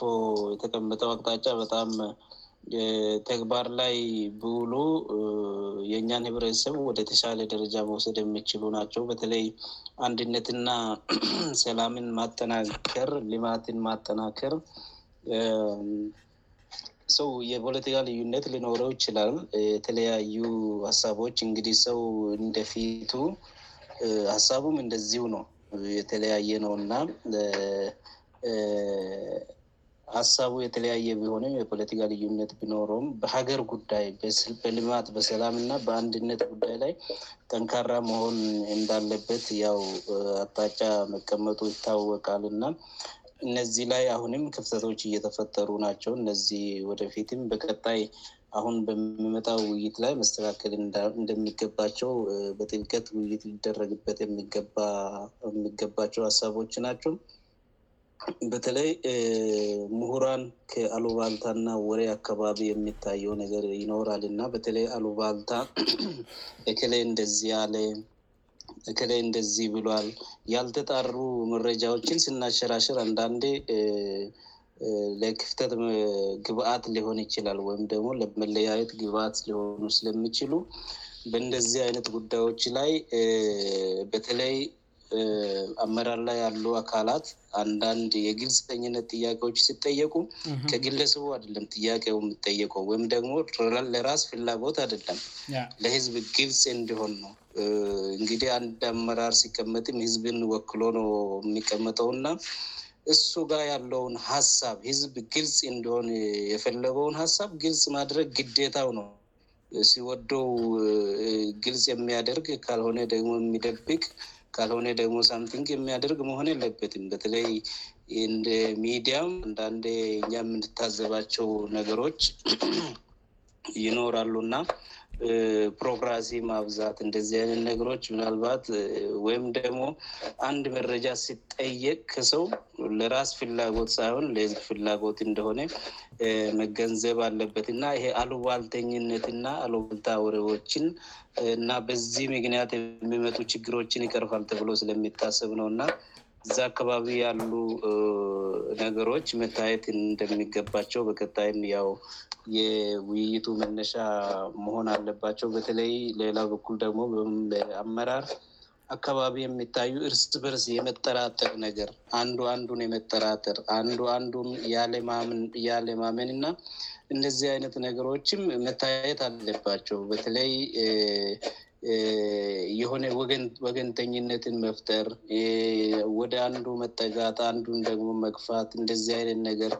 በሀሳብ የመግባባትን የጠብ መነሻ ማድረግ አሁን እንግዲህ እኛ ትልልቅ ሰዎች ሰዎችነን ፃናት አደለንም ገና ስለ ሀሳብ ልዩነት የምንማር ሰዎች አደለምን እና የሀሳብ ልዩነት ይፈጠራል ለምን ተፈረ በምን ምክንያት ተፈትረ ተብሎ አንድ ላይ ቁጭ ብሎ ከመወያየትና ችግሩን ሶልፍ ከማድረግ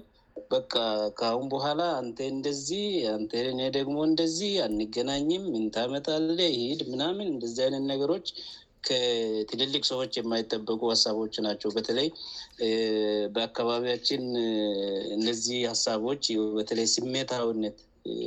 አንድ አመራር ወይም ደግሞ አንድ ምሁር ከስሜት መውጣት አለበት በመራት የለበትነው ምክንያት ነው መመራት ያለበትእና እነዚህ አይነት ነገሮች ላይ ደግሞ በትልቀት መሰራት ያለበት ይመስለኛል አንዳንድ በተለይ አመራሮች አካባቢ ለምሳሌ ምሳሌ በመሆን አለበት ሞደል መሆን አለበት አንድ አመራር ሲባል ሞደል መሆን አለበት ሌሎች እሱን አይቶ የእሱን ፈለግነ መከተል ያለባቸውእና አሪያ ካልሆነ የሆነ የሚያስተምር ነገር ከለለው ያን እኔ መከተል አልችልምወይም ደግሞ በክፉ መንገድ ይከተለዋለ ማለት ነው በተለይ ቅድም ስነሳ ነበረ መስሪያ ቤት ውስጥ ለመንግስት ሰራተኞች ስራ ይገቡም ይባላል ቢገቡም አይሰሩም መስራት ቢፈልጉም የሚሰራ ነገር የለም እና እንደዚህ አነት ነገሮች ላይ በጥልቀት መታየት አለበት ሰው መቶ ቢሮ ስለተቀመጠ ስራ ሰራ ይባልም እዛ ቁጭ ስላለ አቴንዳንት ስለፈረመ ስራ ተሰርተ አይባልም የምታይ የሚዳስስ የሚጨበጥ ህብረተሰቡ ጋር ወርዶ ችግር የፈታ ስራ ነው መሆን ያለበት እኔ እዛ ቁጭ የአንድ መደብዜ ሲቀመጥ የነ መኖር ለህብረተሰቡ ምን ጠቀመ ነው እዛ ጋር ታይ ያለበት እንጂ ዝም ብሎ እንደም ገብቶ ወንበር ማሞቅና ወሬ ውርቶ መሄድ አደለም እና ለነዚህ በሙሉ አንድ መስሪያ ቤት ውስጥ ሰርቶ የሚያሳይ ሞደል የምን ሰራቶኞችን በእኩል የሚያስተዳደር በእኩል አይን የሚያይ ለእያንዳንዱ ግዴታውን የሚሰጥና ጥቅሙን የሚያስገብርለት አመራር ነው መሆን ያለበት እንጂ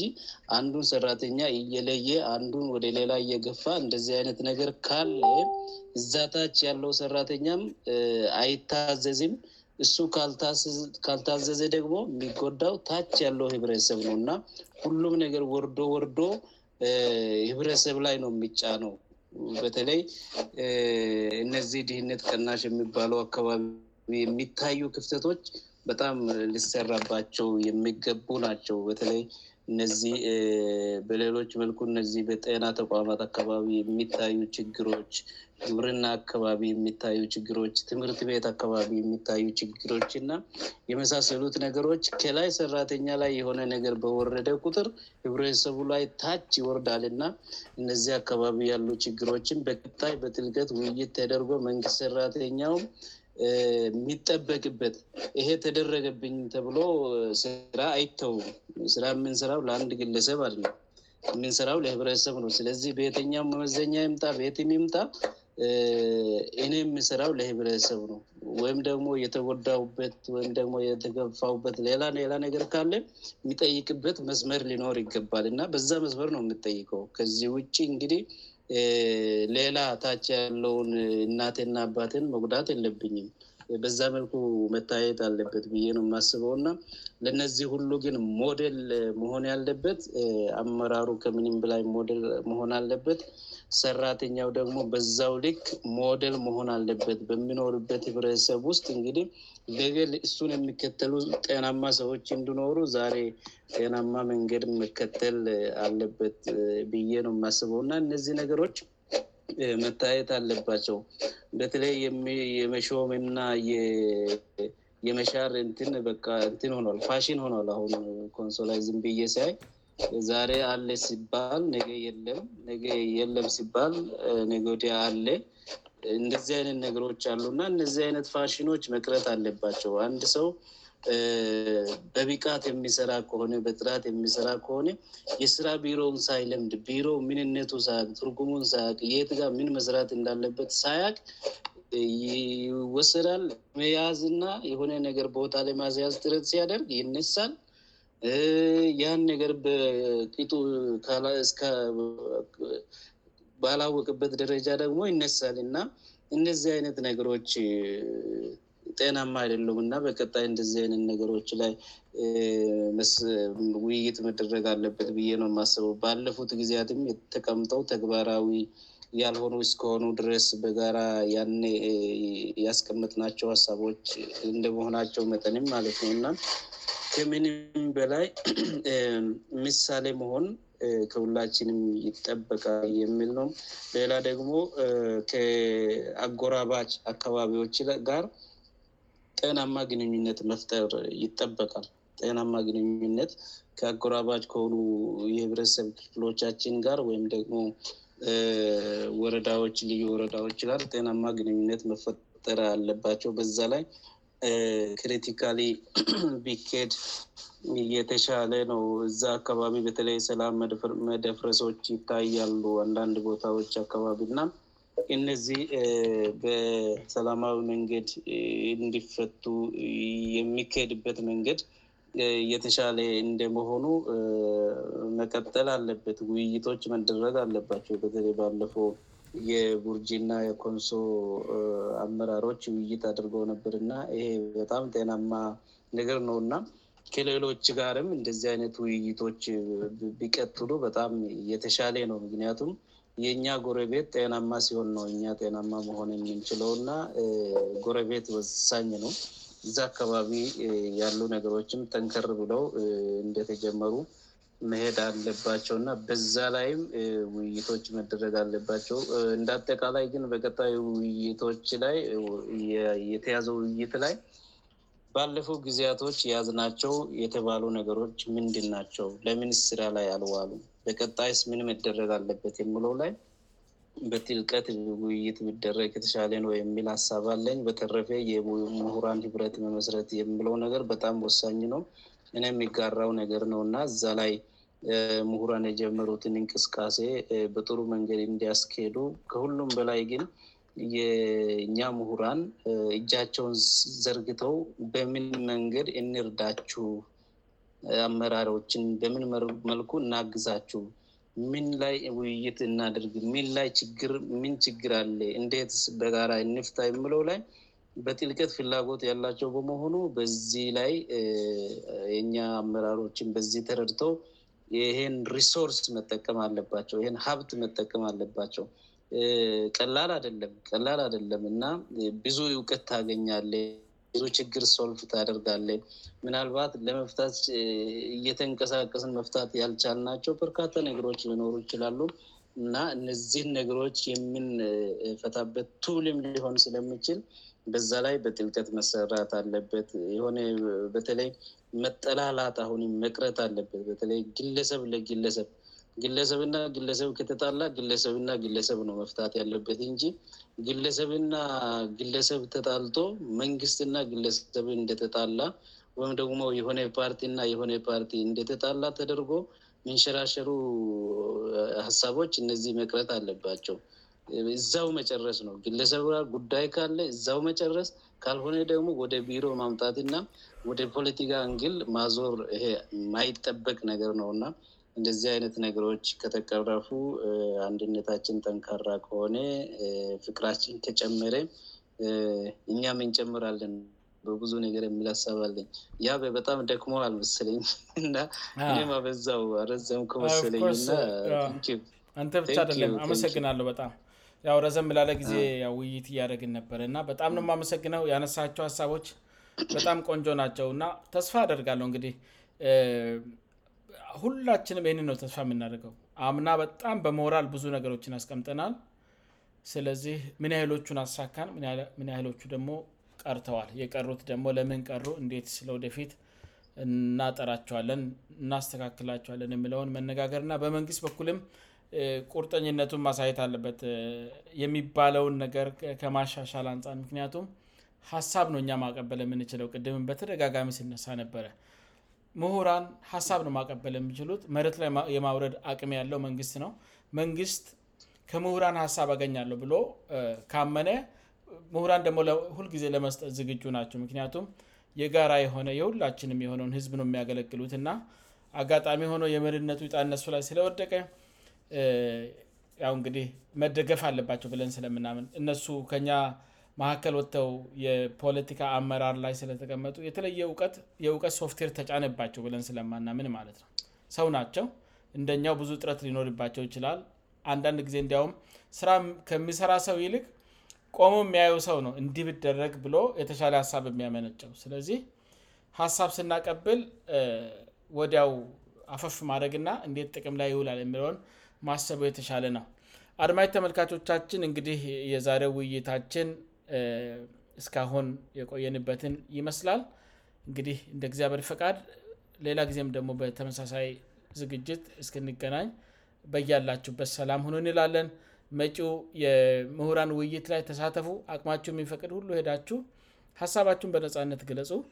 መንግስት ደግሞ ሀሳቦቹን ይውሰድ ተግባራዊ ማድረግ የሚችላቸውን እን እንዲህ ተግባራዊ አደርጋለሁ የማይችላቸውን ደግሞ በዚህ በዚህ ምክንያት አልችልም በዚህ በዚህ አንጻር ድጋፍ ያስፈልገኛል ይበል የቤተሰብ ምክክር ይሁን ዋናው እንደ ቤተሰብ እንመካከር የምል ለው እንግዲህ እስካሁን ከእኛ ጋራ በትግስት የቆያችው የተከታተላችሁን ኦሎሞስት ለ3ስት ሰአት 2ያ ጉዳይ ያህል ነው ከእኛ ጋራ የቆያችሁት በጣም ነው የምናመሰግነው በያላችሁበት ሰላም ሁኑ እስከሚቀጥለው ዝግጅት ቻው